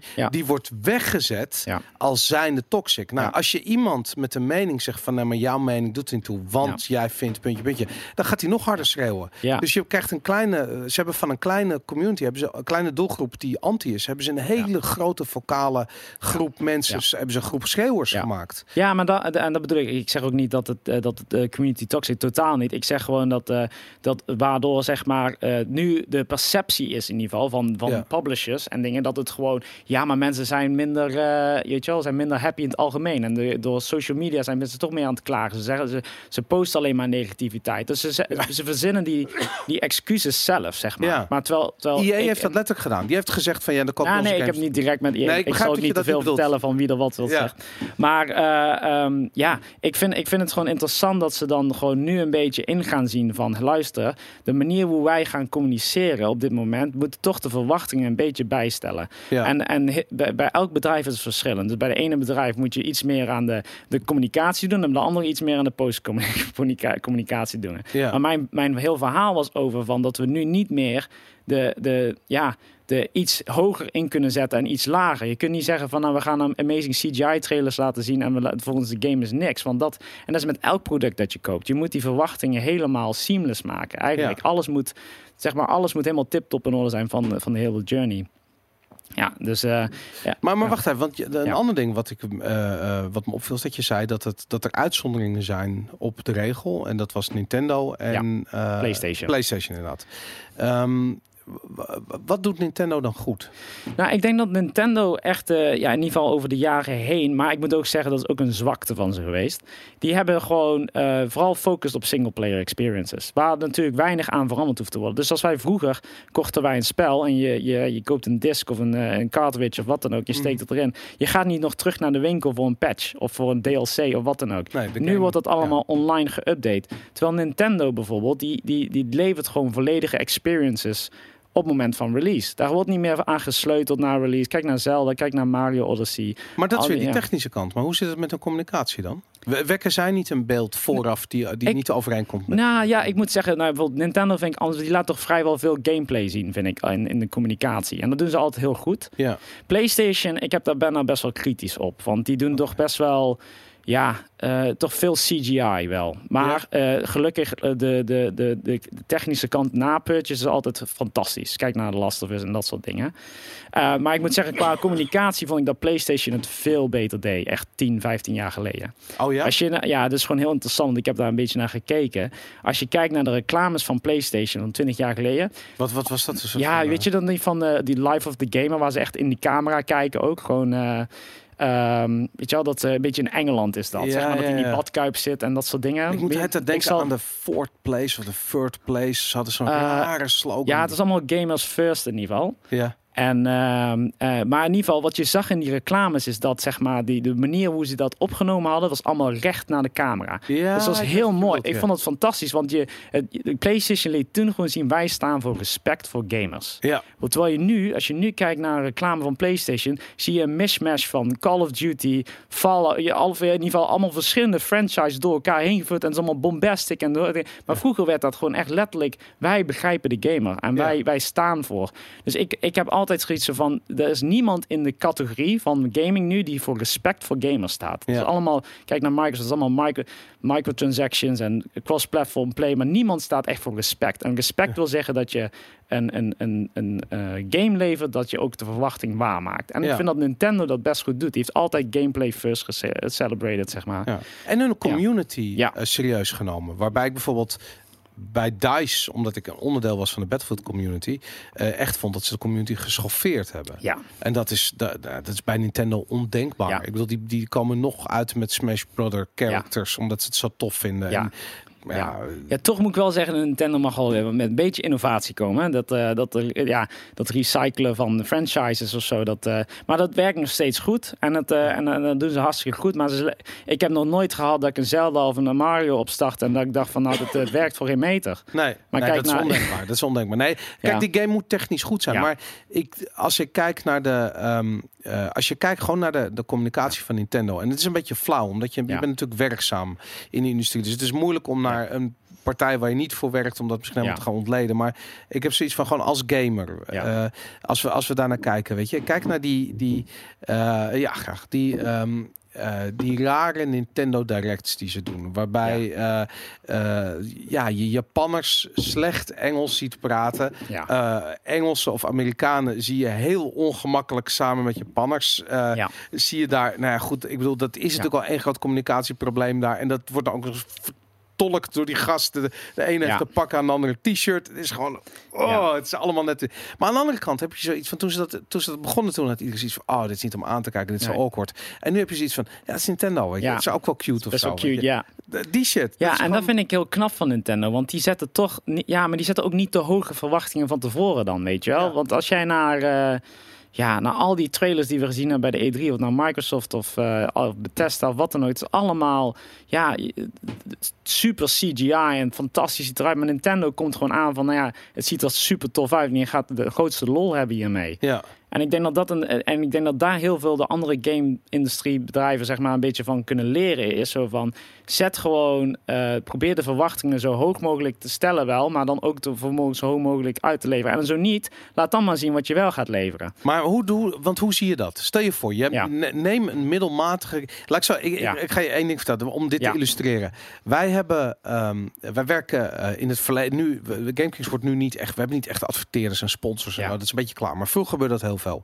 Ja. En eigenlijk was het nooit een probleem, want wij zeiden we gaan nooit van een goede game zeggen dat die slecht is en van een slechte game zeggen dat die goed is. Onze mening staat voor op Ja. wat voor soort budget er ook tegenover staat. Ja. Nou goed, je, kan altijd discussies hebben over eh, wat er gezegd wordt over hoe bepaalde games zijn. En vooral ik, ik nog een recht door zee en eh, whatever. Maar goed, Ja. op een gegeven moment merkte ik van de enige aanleiding voor ruzie was altijd weer een hele eh, ehm, een game met hele grote targets die kwalitatief zwaar ondermaats was. Ja. Dus op het moment dat er dus ontzettend veel geld bij een bepaalde release kon kijken, en dan hebben we het over Nederlands ontzettend veel geld, dus dan denk je aan 150.000 euro. Ik weet het niet zo. Niet dat wij Ja. dat kregen, dat bedrag, hoor, maar dat is er dan voor heel Ja. Nederland beschikbaar, zoiets. Ehm, en de, de verwachtingen waren hoog eh, geschapen. En dan, dan, ja, dan ben je gewoon kritisch, want het is gewoon een scheidgame. Ehm, dan, ga, dan hebben we ruzie. Ja. En ik ben gewoon heel erg benieuwd van ja, hoe, eh, als je dat als illustratie neemt, van hoe, ga- hoe moeten uitgevers daar dan mee omgaan? Ja. Ik bedoel, die slechte games zullen er denk ik altijd wel blijven. Ja. Hoe ga je daarmee? Hoe zet je een slechte game in de markt? Hoe zet je een slechte game in? Ja, nou, ik denk toch wel dat, dat zeg maar, wat je nu ziet is... eh, ja, de, zeg maar de actual gameplay met, eh, met influencers zoals die Shroud en dat soort dingen. Maar ook YouTube-influencers die echt laten zien, let's play video's. Dat dat dan nog steeds het beste werkt. En je kunt een lelijke game hebben. Ja. Maar die, als die er leuk eruit ziet, dan is het nog steeds prima. Dus ik denk dat je gewoon, ja, toch moet proberen om zo probe- zoveel mogelijk van een slechte te ziende game toch de leuk eruit zien te proberen te krijgen. Maar kijk naar, naar Videogame Donkey en dat soort dingen. Die maakt Ja. van, zeg maar, de shit, nou, een shitty game maakt die gewoon een fantastisch spel natuurlijk. En ik denk dat, zeg maar, echt de, de realiteit laten zien en zoveel mogelijk laten zien van wat je ook daadwerkelijk gaat leveren. Ja. Dat dat echt eh, de, het beste is. En zo niet, probeer het dan maar gewoon even te fixen ook gewoon. Als, als je denkt Maar, van... nou, maar ja. en Fallout 76. Ja. Een game die was echt kapot tot op het bot. Weet je, dat is nooit een echte game geworden. En Nee. tot Howard staat en zegt het is een nieuw Fallout experience. Ja. Stel je voor dat hij daar had gestaan, die E3 vorig jaar. En dat hij zei van nou jongens, we hebben geprobeerd een nieuwe Fallout game te maken. Het is niet echt helemaal gelukt. Ja. Om eerlijk te zijn, het is een open wereld game. Er zijn geen NPC's. Het is gewoon best wel crappy. Kijk de trailer. Ja, ja. Ik wil als hij dat gezegd zou hebben. Ja. Ik wil, Nou, ik, ik, ik ja. Smeek Ja. dat we dat gaan Ja. meemaken. Dat dat op Ja. een dag gebeurt. Maar ik denk dat daar dan dus echt een goede strategie neer moet worden neergezet. Want bijvoorbeeld de manier hoe ik strategie doe ook, is gewoon... Je, je kijkt naar bijvoorbeeld de categorie. En een categorie noemen we eigenlijk de concurrentiemarkt. Uh-huh. En elke game heeft bepaalde een value proposition. Of iets van de krachten die je naar voren haalt. Maar je moet wel goed analyseren waar de markt heel goed in speelt. En wat zeg maar Fallout 76 eh, zeg maar echt uniek maakt. En wat je dus ziet is dat ze dus eigenlijk het eh, lanceren als elk ander spel. Terwijl je eigenlijk naar de, de kwaliteiten van, weet ik, ja, ik ben geen Fallout-speler, maar de, de, de, zeg maar de Minecraft-achtig bouwen en dat soort dingen. Nou ja, nee, maar in ieder geval, in ieder geval wat, wat ze ook zeg maar uh, naar voren willen, of wat, wat echt de kwaliteit is van het spel, dat je dat naar boven haalt, weet je wel. Maar je, gaat, je, hoeft ook niet te zeggen dat het een crappy game is, maar ga in ieder geval wel vanuit de essentie wat echt die, die, die joy brengt van dat spel, haal dat naar boven. Ja. Maar ga, ga niet zeg maar iets, zeg maar een soort van uh, Cyberpunk 70, de, uh, de nieuwe Cyberpunk-achtige kwaliteit gameplay laten zien en dan vervolgens met een, uh, met een verschrikkelijk spel. Is het dan beter om bijvoorbeeld niets te zeggen over een game? Om gewoon die game uit te brengen en er gewoon niet over te praten? Ehm, als jij geen goede kwaliteit material hebt om echt in de markt te brengen, ben ik daar voorstander van. Ja? Want, Want dan zou ik dat geld bewaren voor let's plays op release. Kijk, nou, stel nou je doet gewoon influencers en je, je stopt al je geld. Kijk, je moet, je moet ook niet weten hoeveel het kost om gewoon een YouTube-video te pushen op media. Dat is gewoon belachelijk veel geld. Als je dat echt een beetje discoverable moet maken. Wij maken heel erg van uh, ja, assets, bijvoorbeeld video assets of banners, maakt niet uit wat het is. Als daar geen media achter zit, dan komt het ook niet. En viral, bijvoorbeeld een viral video creëren. wat bedoel je met media precies? Uh, media bedoel ik gewoon media budget. Gewoon dat je dat, dat wordt, ja, natuurlijk wordt het gelanceerd op kanalen en bijvoorbeeld bij HBO op een pre-roll of wat dan ook, of YouTube pre-rolls als jij daar geen geld achter stopt, dan wordt het ook niet echt gezien. Weet je, wel, nee. mensen ja, er is een enorm verschil daartussen. Ja. Um, dus als jij uh, gewoon dan al dat geld gewoon focust op het moment dat het spel uit is en gewoon polished is en je betaalt Shroud, Ninja, weet ik veel, Through en al die gasten gewoon op dag één gewoon en je betaalt een hele week Let's Play. Ik denk dat dat veel meer impact heeft dan gewoon echt hype bouwen van tevoren. Ja, en denk je niet dat je daarna alsnog die drop-off krijgt? Of heb je zoiets van ja, maar dan heb je de game al gekocht? Uh, bedoel je gewoon het moment dat uh, het spel gekocht is. Maar ja, dat kun je toch ook van tevoren nog doen, denk ik, voordat het spel uitkomt. Ja, misschien inderdaad. Ja. Maar je moet wel zeggen dat het is ook een balans hè. Want als jij bijvoorbeeld echt voor die Twitch-streamers gaat, dan ga je achter de hardcore community aan. Ja. En als je achter die casual, dan moet je toch wel meer traditioneel media-achtige dingen denken. Heb je, ik heb altijd het idee gehad dat uh, op het moment dat, en dat is, in Nederland is dat heel zichtbaar, omdat hier niet zoveel marketingbudget is. Hè? Dus als er dan een Nederlandse campagne is, nou, er zit geen media achter, nee. kan ik je vertellen. Weet je, dat is een zeldzaamheid. Maar goed, als dat een keer wel doen, dan merk je soms dat ze zoiets hebben van, nou, deze game die, die moet mainstream. Weet je, dit ja. is echt een mainstream.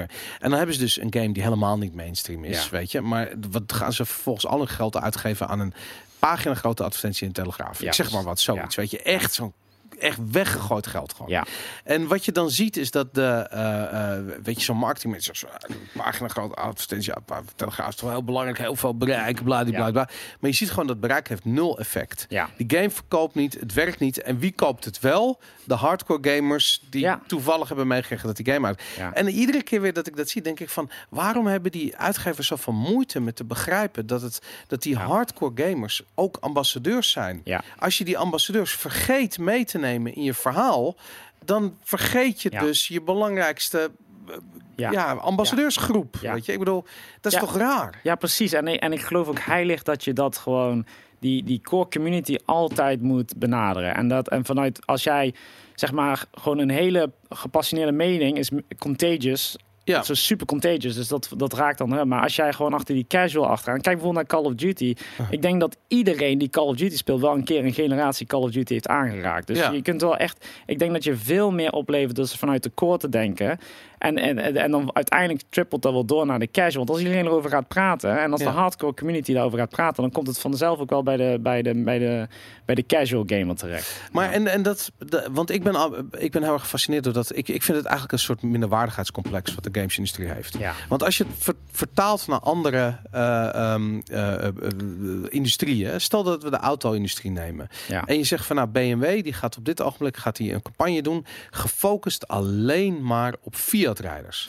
Of sterker nog, mensen die geen rijbewijs hebben. Ja. Weet je, ik bedoel, het is je moet zo onevenredig veel media inkopen en, Ja. en, en, en met geld smijten om iemand die geïnvesteerd is in iets anders Ja. naar je merk toe te trekken, dan je gewoon in eerste instantie terecht op je ambassadeurs die misschien sowieso in de markt zijn voor Ja. een nieuwe BMW. Ja.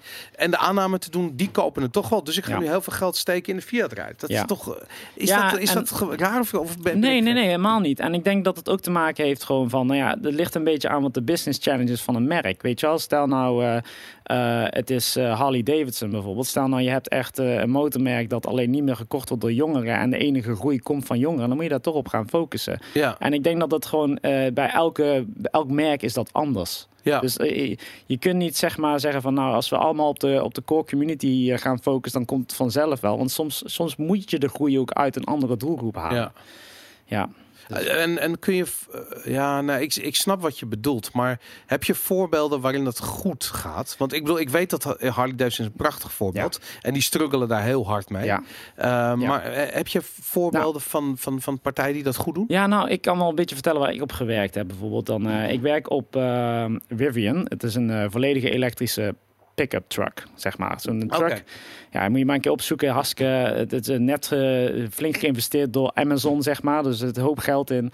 Eh, Amazon, die, ja, die wil dus helemaal elektrisch rijden natuurlijk eh, in de toekomst. Ja. En, Maar echt pick-up truck met zo'n laadbak? Of, ja, nee, zo eentje voor, zeg maar, je gaat snowboarden of Ja, je ja, gaat, daarom, eh, ja, ja. echt zo'n, echt zo'n Off-road? eh, nou ja, nou, dus eigenlijk de manier hoe je als je dan naar de categorie kijkt, naar Tesla en, en al die Chinese eh, merken, Ja. die allemaal zeg maar achter zeg maar, de tech nerds gaan en de Ja. tech techie guys en eh, je kijkt naar hoe zij zich positioneren in de markt, Ja. dan zie je echt heel klinisch en koud en zeg maar futuristic. Beetje de, zeg maar de up van, eh, van Pixar. Zeg Ja, maar, ja. Pro- dat je automatisch rondrijdt. eh, Ja. Dat alles zeg maar naar zo'n dystopian future noem ik het, weet je wel. Zo echt zo'n future waar we niet naartoe willen.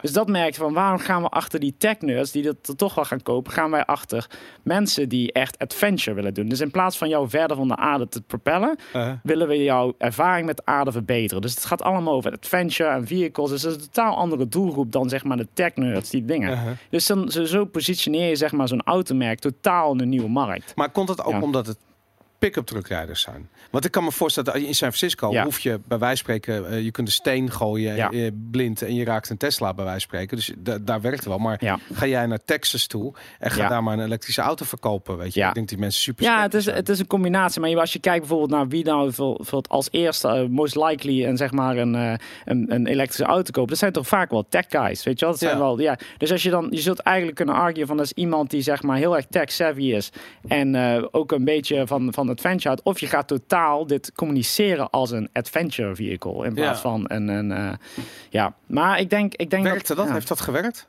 Ja, nou op zich wel. Dat is, nou ja, ik moet nou wel zeggen dat het eh, eh, heel veel geld is ingestroomd door Amazon en zo dat soort dingen. Dus dat, maar het, het ziet er nou uit dat het echt heel goed, goed loopt nou met het bedrijf. Maar ja, elk merk die moet dat toch wel een beetje onderzoeken van waar, waar zit de meeste groei nou en Ja. waar, welke doelgroep is dat. Alleen in de game-industrie is dat totaal anders. Want die zijn allemaal bezig. Of ja, die, die, die hardcore community moet je altijd nurturen. En als je dat niet doet, dan, ja. Ja. dan, dan, dan loopt het helemaal fout natuurlijk. Ja. Hey, je ziet nu een trend dat eh, eh, eh, Bungie heeft zichzelf eigenlijk losgeweekt van Activision om. Destiny zelf te gaan doen.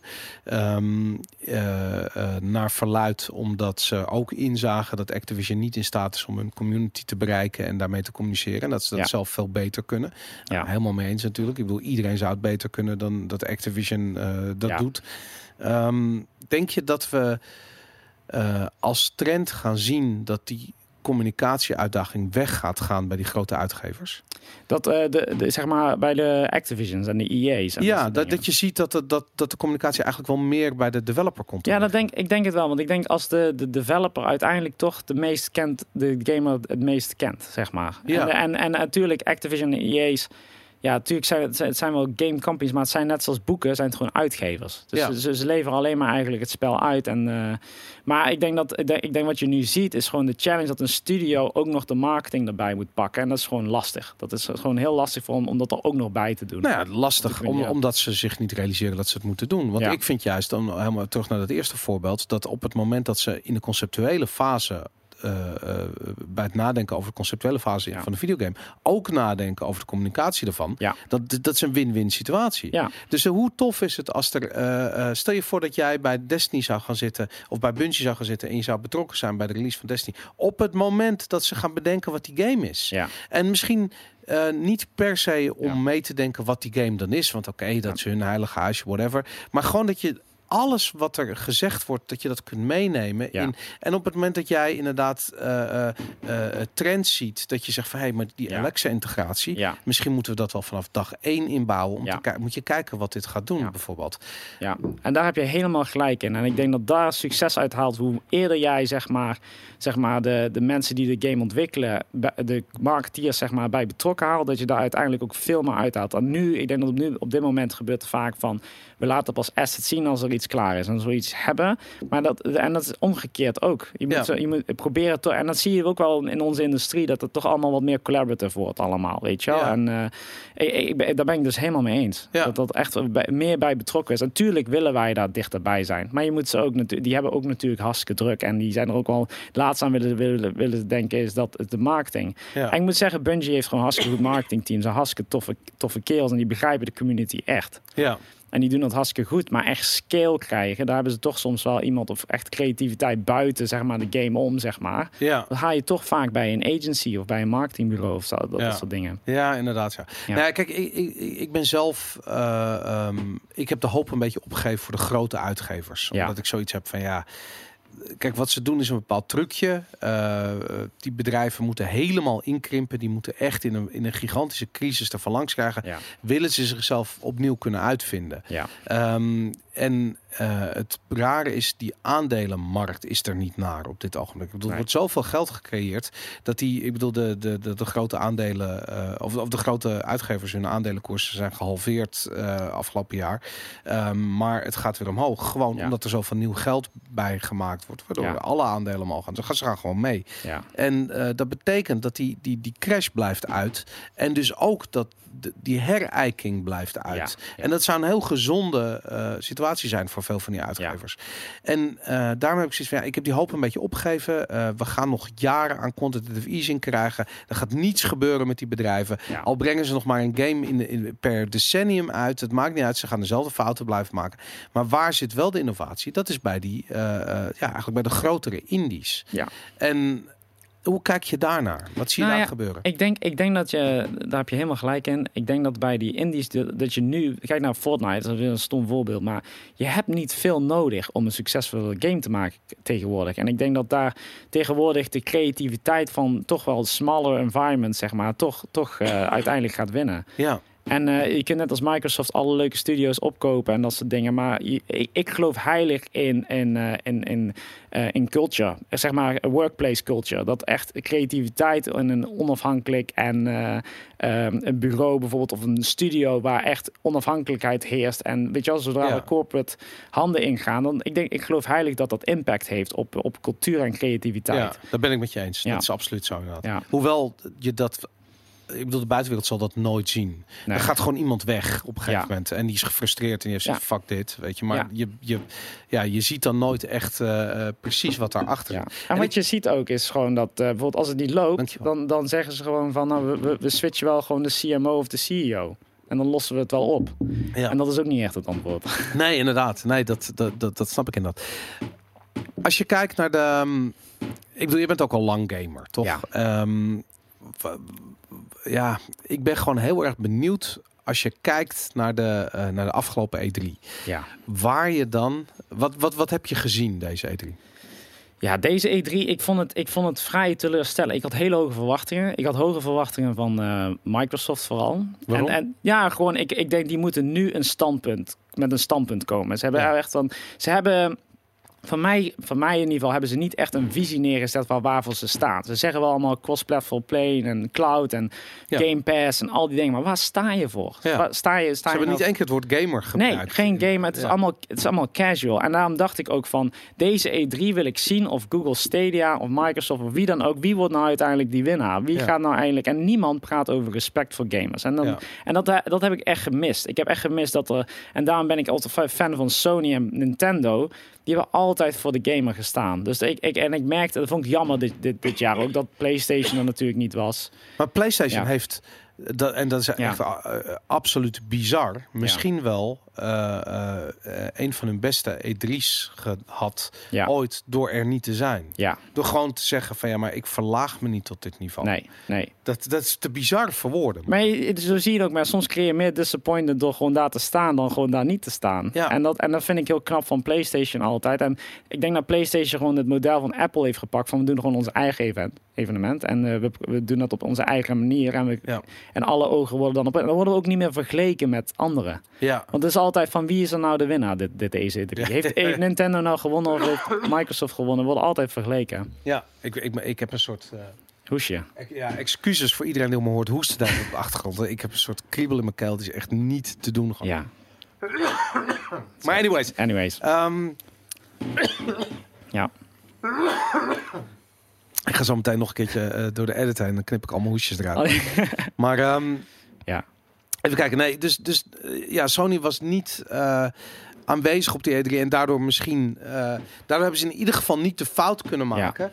Die Microsoft wel gemaakt heeft. Ja. Namelijk dat ze hebben gezegd: eh, jongens, eh, eh, ja, wij, hebben, eh, wij, wij vergeten te noemen dat het om de gamer Ja. gaat. Dat we Ja. respect hebben voor de gaming community. Maar bewijs ook gewoon meteen van wat dat betekent. Weet je wel, wat Ja. betekent nou zoiets? Wat, wat betekent dat? Dat, betekent luisteren. Dat betekent laat zien wat de community zegt. Weet Ja. je wel, wat, wat willen we er in de volgende game? Nou, hier laten we het zien hoe we dat Ja. addressed hebben. Als je dat, we, Ja. we- we- nu elk jaar doen ze gewoon hetzelfde kunstje. Van we laten gewoon CGI-trailers zien. Maar ze, ze zeggen wel, kijk naar eh, Bethesda. Het was allemaal om jou, om de gamer. En wij, wij, wij, wij praten en we de hele dag, oh, wij snappen de gamer. Maar vergeten wel sorry te zeggen voor we vergeten wel, sorry, maar ja, maar ze laten ook niet zien wat de gamer gezegd heeft. Nee, Van wat willen ze nou? En laat dat maar zien. Laat dat maar zien in je gameplay van of, of in, je, in je trailers of wat dan ook. Hoe jij de community echt addressed hebt. En als jij daar als merk voor staat, of Microsoft, of PlayStation, of Nintendo. Mhm. Ik denk dat je daar veel meer uithaalt om gewoon eerlijk te zijn. En zeggen van nou, dit is wat we horen. En dit is gaan waar we aan gaan werken. Of dit is wat er gaat komen. Maar we hebben jullie gehoord. ja. En hier staan we voor. Ik was ooit, eh, volgens mij was het in 2012, was ik in New York. Op 21 februari 2012 was ik in New York. Toen werd de PlayStation 4 aangekondigd. Ja. Het was een best wel klein evenement. Ik bedoel, er waren misschien 500 man binnen, ik weet het niet. En eh, ze zeiden van, nou, we gaan de PlayStation eh, 4 laten zien. En ze lieten eh, een doos zien. En ze zeiden van, nou, we gaan niet vertellen wat erin zit. Ja. We gaan vertellen wat het idee erachter is. En eigenlijk een van de belangrijkste dingen waar ze mee begonnen was dat er Twitch-integratie zat in die PlayStation. En Twitch was toen nog niet van Amazon. Het was een underground gaming startup. Ja. Ehm, eh, gamers vonden het fantastisch, maar het werkte technisch maar voor de helft. Maar anyway, het maakt niet uit. Iedereen Ja. vond het tof. En op die presentatie, eh, en ik vond het fucking fantastisch. Ik zat te kijken en ik had zoiets van, Sony snapt hier echt dat ze niet over specs moeten gaan beginnen Nee. tegen gamer. gamers geven geen fuck om specs. Ze willen weten of dit eh, eh, device hun identiteit als gamer gaat Ja. bevestigen of gaat ontkrachten. Ja. En ze hebben daar gewoon laten zien hoe het moet. En niet veel later, eh, ik denk dat het later ik weet het niet zeker. Want toen kwam eh, Microsoft met de Xbox One eh, reveal. En dat was Ja. iets in eh, Seattle volgens mij. En daarin eh, begonnen ze van de toren te blazen over de woonkamer. En je moest dan eh, al je sportservaringen, NFL en Ja. weet ik veel wat, moest je dan via Xbox. Ik zat er te kijken en ik had echt zoiets van, godverdomme, weet je, wat gaan ze hier, wat gaan ze hier op hun bek? Dit is pijnlijk. En toen eindigden ze ook nog eens een keer door aan te kondigen dat die niet wereldwijd zou, geen wereldwijde release zou zijn. Toen was het klaar. En dat, ehm, ik vond het zo een verschil van dag en nacht. En als je nu fast forward, wat zijn we, acht jaar verder, zes jaar verder, whatever. Ehm, eh, en je ziet gewoon, Sony heeft Ja. eh, Xbox weggevaagd. Ja. Eh, ik ben helemaal niet een fan van de organisatie Ja. PlayStation. Maar Jesus Christ, wat hebben ze hier een home run geslagen. Ja. En, en Microsoft is nog altijd op de dag van vandaag zoekende. Nie, kan niet het woord gamer over hun lippen krijgen. Nee.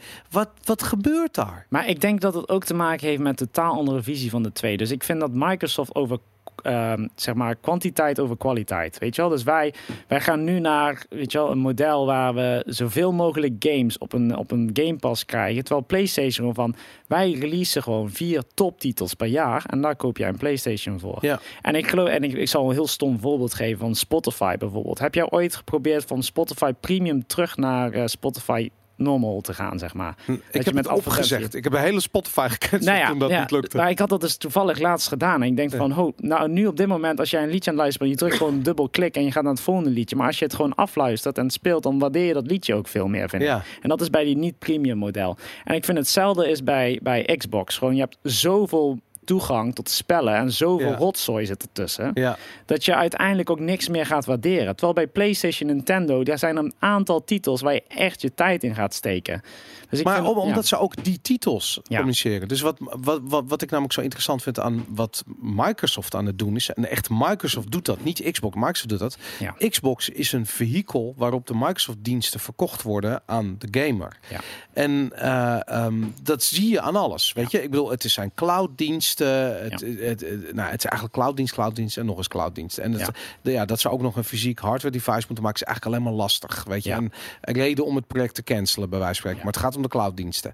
En je, je voelt aan alles dat ze die kant op willen, weet je. En ehm, ik kan me echt voorstellen hoe het is om een chick te zijn in een club. En er zitten gasten aan me hier te trekken. We willen graag die kant op, die kant op. Ja. Maar je hebt zoiets van, maar ik wil dit helemaal niet, weet je. En ik ben, Ja. als gamer heb ik echt zoiets van, maar ik wil helemaal niet Ja. cloud. Ik wil gewoon een fucking vette game ervaring, weet je. Ja, en ik denk dat ze gewoon nu die visie is van de toekomst van gaming is op welk, welk platform waar je ook wil. Op je of nou een mobieltje is of dit dan ook. Maar dat wil dus niet zeggen dat je ook kwaliteit games op dat soort platformen uit gaat brengen. Maar, en, maar ik bedoel, jij als gamer, weet je. Ik bedoel, wat heb je voor consoles thuis staan? Waar speel je ik, heb, graag? ik, nou, ik ben wel echt een fan. Ik, heb dus, ik ben echt een PC-gamer. Oké. Ik heb thuis een flinke PC staan. Ja. En ik wissel dat af met een, een PlayStation 4 en een, eh, en een Switch. Dus ik speel, Switch speel ik altijd in vliegtuig. Dus Ja. ik ben onwijs fan van Celeste Uh-huh. en eh Odyssey en eh, Zelda. Ja. Dus dat, ben, dat zijn nog steeds drie spellen die ik nog steeds speel. Ja. Maar op de PC, ja, ik ben, zo'n, ja, ik ben echt zo'n multiplayer eh gas. Apex en zo, dat speel vind ik nog steeds Ja. tof om te spelen op de PC. Maar PlayStation, ja, ik vond God of War en zo vind ik, vond ik echt fantastisch dingen. Maar verder raak ik het ook amper aan. Ik speel, ik, PlayStation zet ik aan voor misschien twee of drie titels per jaar. Ja. En voor de rest ben ik toch wel op mijn Nintendo Switch of met mijn PC bezig. Want er, is, er zit weinig, ja, weet je wel, op PC kun je toch wel wat meer Ja. dan op de bank thuis. eh. en ik was vroeger was ik best wel professionele. Het is maar, dat je het ja. aan het verdedigen bent. Dat vind ik echt Wat? grappig. Dat je PC? PC-gaming aan het verdedigen bent. Ja, ik vind het dat hoeft, fantastisch. hoeft niet naar mij. Nee, nee, nee, ja. ze- dat, dat heeft PC-gamer. Als Ja. je zegt ik ben een PC-gamer. Ja. En volgens ga je uitleggen waarom dat is. Ja, ja, ja. Het Omdat bijna, bijna, van, als ik als mensen bij mij thuis heb staan, dat van, die kijken naar mijn kast en die denken van, gas, wat is dit voor nerd? Ja, het is gewoon allemaal lichtjes in en alles. En wat, waar, ben je voor een idioot? Bijna verdedigen waarom het dan goed is. Maar, maar, dat, maar dat, ik bedoel, ik denk, en dat vind ik het bizarre, dat heel veel van die, van die uitgevers niet snappen dat gaming een deel van je identiteit is. Ja. En het feit dat jij die kast met die lichtjes, Ja. en heb je waarschijnlijk, sommige mensen hebben waarschijnlijk auto's gekocht voor Ja. minder geld dan wat je uit hebt gegeven aan zo'n game PC. Shit is fucking duur. Waarom doe je dat? Ja. Tuurlijk om die games te spelen, maar ook omdat je een PC-gamer bent. Ja. Dat hoort erbij. Dat is wat je, hoe dat eruit ziet. Ja, en ik vind, en ik als persoon, als mijn identiteit, ik vind, ik vind communicatie het belangrijkste wat er is bij het gamen. Ja. En ik vind dat nog steeds best wel clunky bij PlayStation en Xbox en zo. Ik vind het zo fijn dat ik bij, bij een MMO of, of, of Call of Duty of uit wat het is, dat ik af en toe ook iets kan typen of op Discord kan zitten. Ja. Het is allemaal best wel clunky op, Sterker nog, de... Discord is zo goed dat Ja. het ook buiten games om een serieus platform aan het worden is Ja. voor communicatie. Ja, dat is ja, zeker. bizar. Ja. Ik, heb het, ik raad het heel vaak aan aan merken van ga op Discord. Vooral tech-savvy brands. En snappen ze dat? Ja, nou ja, niet echt, want ze, zien, ze hebben er nooit van gehoord. Ik heb toevallig een laatst een modmic gekocht op mijn headphone, weet je wel, zo'n eh modmic. Nou, ik denk dat ik de beste customer service die ik ooit heb gehad door Discord heb gehad. Die gast, Oh, ja? mijn, mijn, mijn mic, die werkte niet.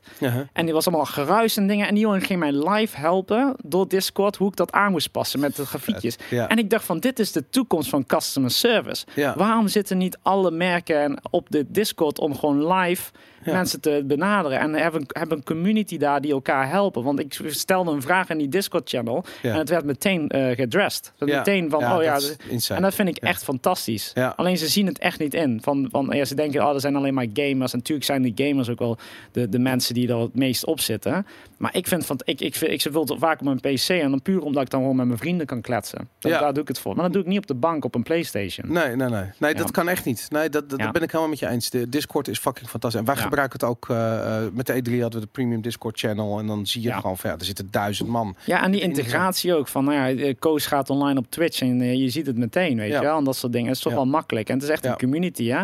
Vroeger was dat echt bij mij IRC. Ik weet niet of jij dat Ja, ook hebt ja, gezien. ja, zeker, Dat ja. was de gaming community Ja. toen dat tijd. Israëli's, dat is echt heel lang geleden. Dat is Ja, 20 nou, toen ik, toen dat- ik, ik speelde toen nog Rainbow Six 3 Raven Shield. Dat was mijn spel. Zo. Maar dat was IRC was echt ons platform. Want elke clan had zijn eigen channel, weet je wel. En dat Ja. zie je nou in Discord dus gewoon terug. Raven Shield was volgens mij de eerste DLC die uitkwam voor Rainbow Six. Oh, nee, nee, nee. Rainbow Six 3 Raven, eh, Rainbow Six 3 Raven Shield is zeg maar een volledig spel. Daarna kwam Ah. Las Vegas uit of zo Ja, DLC. inderdaad. Dat was Maar dat is heel lang geleden hoor. Ja, dat is ja. echt... eh, Ik wil al zeggen, want ik ben in de war met... Want de allereerste Rainbow Six was een PC-game. Die was fucking fantastisch. Ja. En daar is een DLC. Ik dacht dat je dat bedoelde, maar die... eh, Nee, dat was, ik heb die helemaal kapot gespeeld, dat spel. Ja, Vond ik fantastisch. super sick, en toen ben ik daarna naar Call of Duty 1 en 2. En toen heb ik een tijd World of Warcraft gedaan. En dat had me wel een aantal kilo's erbij gekregen. Maar, maar eh, ik ben altijd PC-gamer geweest. En als je ouder wordt, ja, je weet dat ook. Dan heb je niet meer echt tijd om volledig eh, achter de computer te zitten. En dan is zo'n Switch leuk op de bank. En een beetje dit en eh, een beetje Celeste bijvoorbeeld vind ik fantastisch. Gewoon een beetje... mijn attention span is ook wat kleiner geworden. Nee, dat snap ik. Hey, maar eventjes, ehm, eh, kijk, jij hebt natuurlijk voor veel grote merken gewerkt. Ja. En je specialisme is overduidelijk vanuit echt een hardcore gaming achtergrond. Merk je dat ehm, eh, in Amerika bedrijven eh, een gaming community eh, de waarde of de hechtheid daarvan of de opportunity daarvan zien en ontdekken? Ja, ik merk wel heel erg, en dat, en dat heb ik vooral bij mij in de omgeving waar ik gewerkt heb.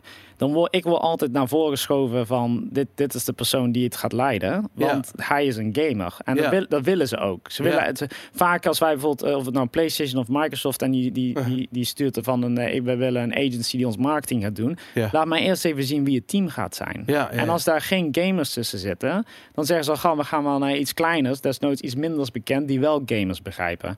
En daarom, eh, ik vind dat heel interessant, want ik ken heel weinig mensen in Amerika in mijn industrie. Dus dat is misschien voor de mensen thuis een leuke specialisatie. Uh-huh. Als je marketing echt focus hebt op gaming, ik denk dat je dat best wel bij agencies wel eh, kijk bij hebt. Want elke, ja, elke publisher zit wel bij een agency of zo. Ja. En die zoeken echt naar, naar, ja. En van mij kwam dat natuurlijk gewoon, gewoon natuurlijk. Ja. Kijk, ik ben een gamer van harte. Dus ik, ik ja, eh, dus bijvoorbeeld ook passie komt heel erg eh, goed over. Als je echt gepassioneerd bent Ja. over de franchise. Ik had dat heel erg met Destiny. Ik was echt onwijs fan van Destiny. Ja. En ik was onwijs gefrustreerd dat het allemaal zo moeilijk liep. Dat je naar die touw moest en terug. En het kostte allemaal te veel tijd. En zo zijn die ideeën dan ontstaan. Ja. Maar die komen niet van iemand die Destiny één of twee keer per dag of één keer eh, in de maand opstarten. Weet je wel? dat- nou, ik, ik, ik heb, ik, serieus, ik, ik kan boeken schrijven over de, Ja. eh, de, de, de, de, laat ik zeggen, de vragen die ik krijg van bureaus die, die eh, hier in Nederland bijvoorbeeld iets met gaming, iets grappigs met gamers Ja. willen doen. Er is nooit geld en, die, en het is echt, het is om, echt om te huilen. Ja. Man. Het is zo erg. Dat, eh, En wat je ook heel erg ziet, is dat vaak eh, de ideeën zijn gelinkt aan marketing beats. Dat wil dus zeggen dat er bepaalde tijden zijn in het jaar waar dus heel veel geld wordt gestoken in marketing. ja. Dus stel jij komt met zo'n idee, net als een Ghost dat wij gemaakt hebben, dan willen ze dan toch wel raar combineren met een campagne of zo. Er, wordt, er is heel weinig budget voor innovatie en Ja. een value in het algemeen. Weet je wel, buiten die dingen. Dus wat je ziet is dat er tegenwoordig toch meer wordt gekeken naar experiences dan marketing. Dus Ja. hoe kunnen wij geld opzij zetten voor echt, ja, in Amerika noemen ze een beetje service design-achtig denken, eh, Ja. denken. Dat je totaal de holistic experience van het merk bekijkt. Dus bijvoorbeeld Destiny.com, eh, de social channels, de alles zeg maar eromheen. Ja. Dat moet allemaal tip-top uit zijn. En zijn er nou zie je een movement van agencies die totaal op alles richten. Die dus de- de- dat goed, helemaal, helemaal die, die journey helemaal connected maken en perfect maken. Want zo, zo stel je die verwachtingen dus ook juist op. Als je van A naar B naar C naar D, dat, dat moet allemaal seamless lopen. ja. Nou, dat heb ik een artikel gezet. Jij kan bijvoorbeeld een prachtige auto hebben, een Audi of wat dan ook. En als jij online in die configurator zit en het loopt helemaal fout en mis, dan denk je al van, nou ja, zo de meter op met die Die auto Audi. gaat ook niet werken. Daarom. Ja. Ik was altijd zo. Ik vind dat zo fantastisch hoe dat eh, eh, als het bij bepaalde merken op een organische manier tot stand komt. Ja. En ik vond dat Tesla een bepaalde periode heeft gehad waarin het gebeurde, waarin je gewoon Tesla gebruikers die waren dan een soort van foto of een dingetje aan het delen en zeiden ze van, wauw, ik heb m- 2000 kilometer gereden in mijn Tesla. Ja. Terwijl elke autobezitter heeft zoiets van, oké, weet je.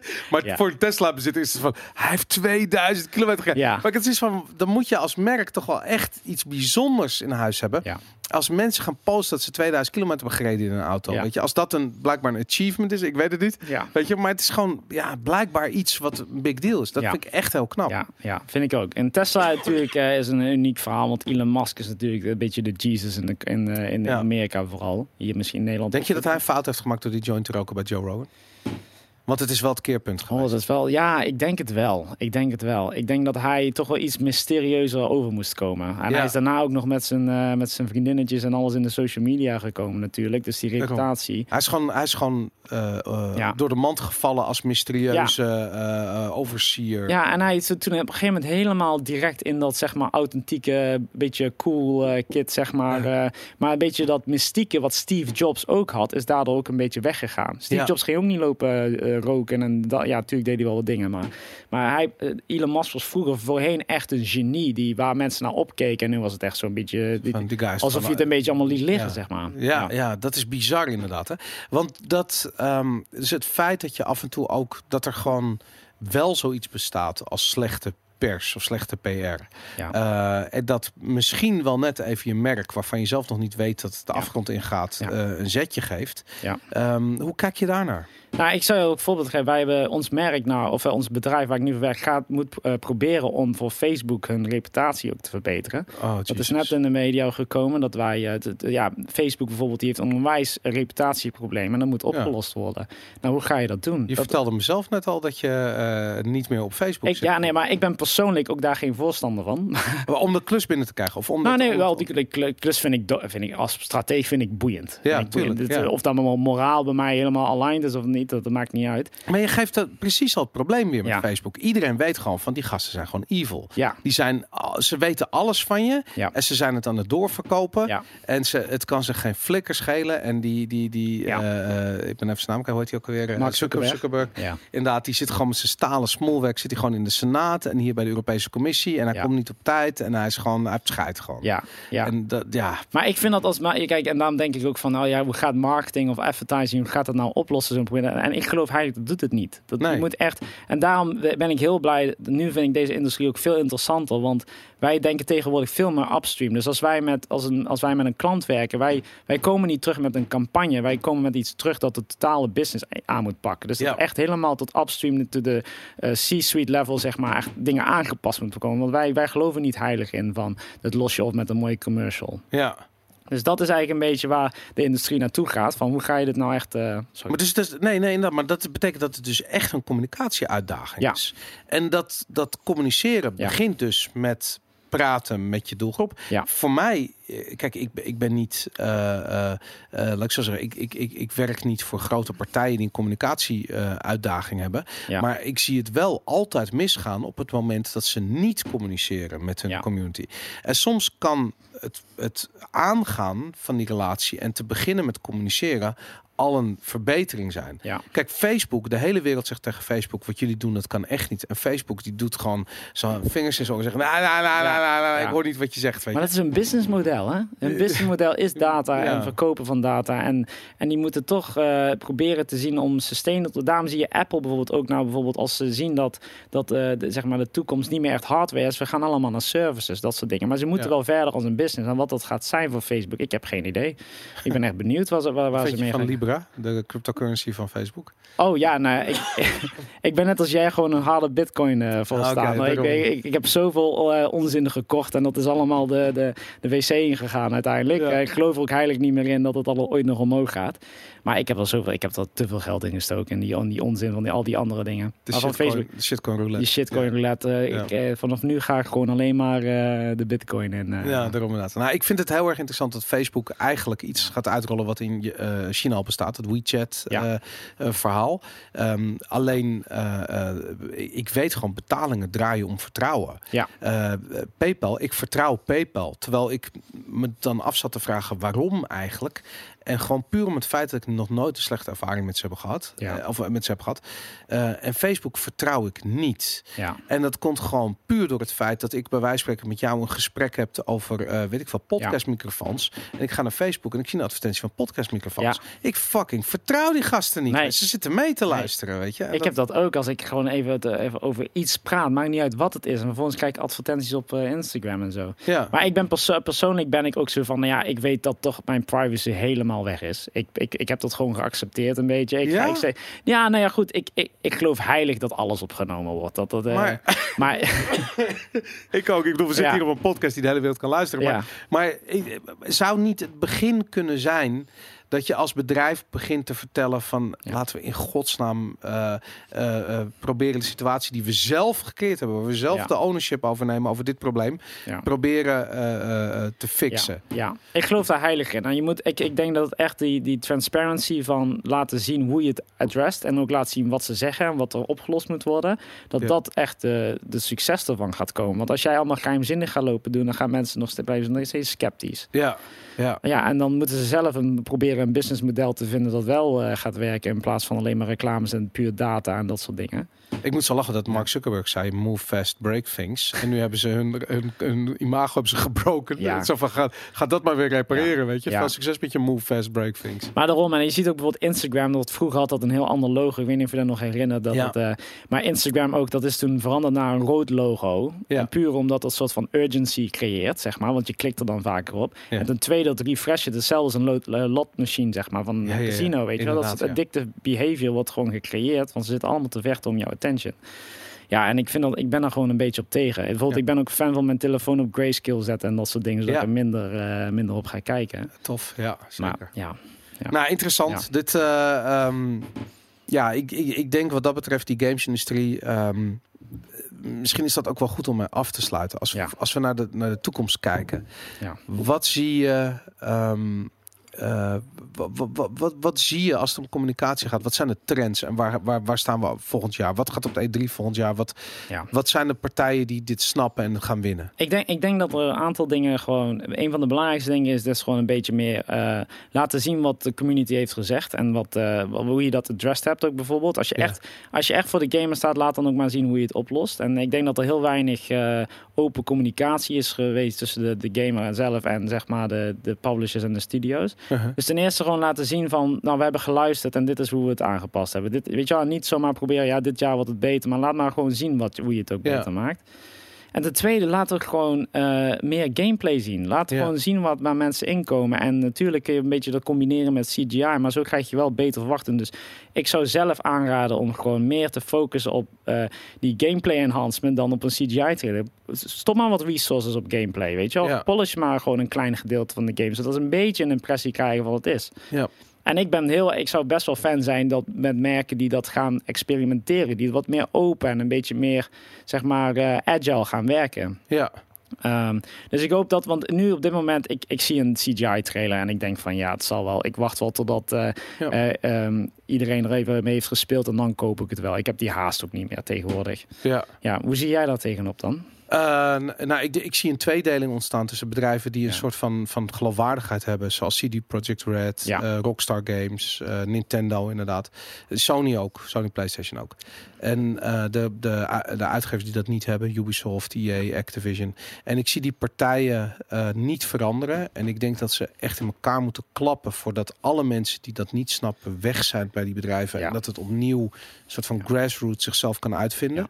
Ehm, ja, en eerlijk gezegd, totdat dat eh, gebeurd is, denk ik dat we in een hele rare wereld terechtkomen. Ja. Waarbij je geziet eigenlijk dat de industrie wordt gedomineerd door de partijen die het wel snappen. Ja, En dat zijn de Fortnites, dat zijn de partijen die echt communicatie goed snappen. ja, Eh, ehm, net als CD Projekt Red met, met, met Cyberpunk, die gewoon vorig jaar al een uur lange walkthrough laten zien. Dit Juist. is de game, we Ja. liggen, dit is wat het is, jongens, dit kan je verwachten. ja, En iedereen ziet het, heeft zoiets van shit, als je dit kan doen, wat kan je dan nog wel niet meer doen? Nou, zo werkt het. Het is, Ja.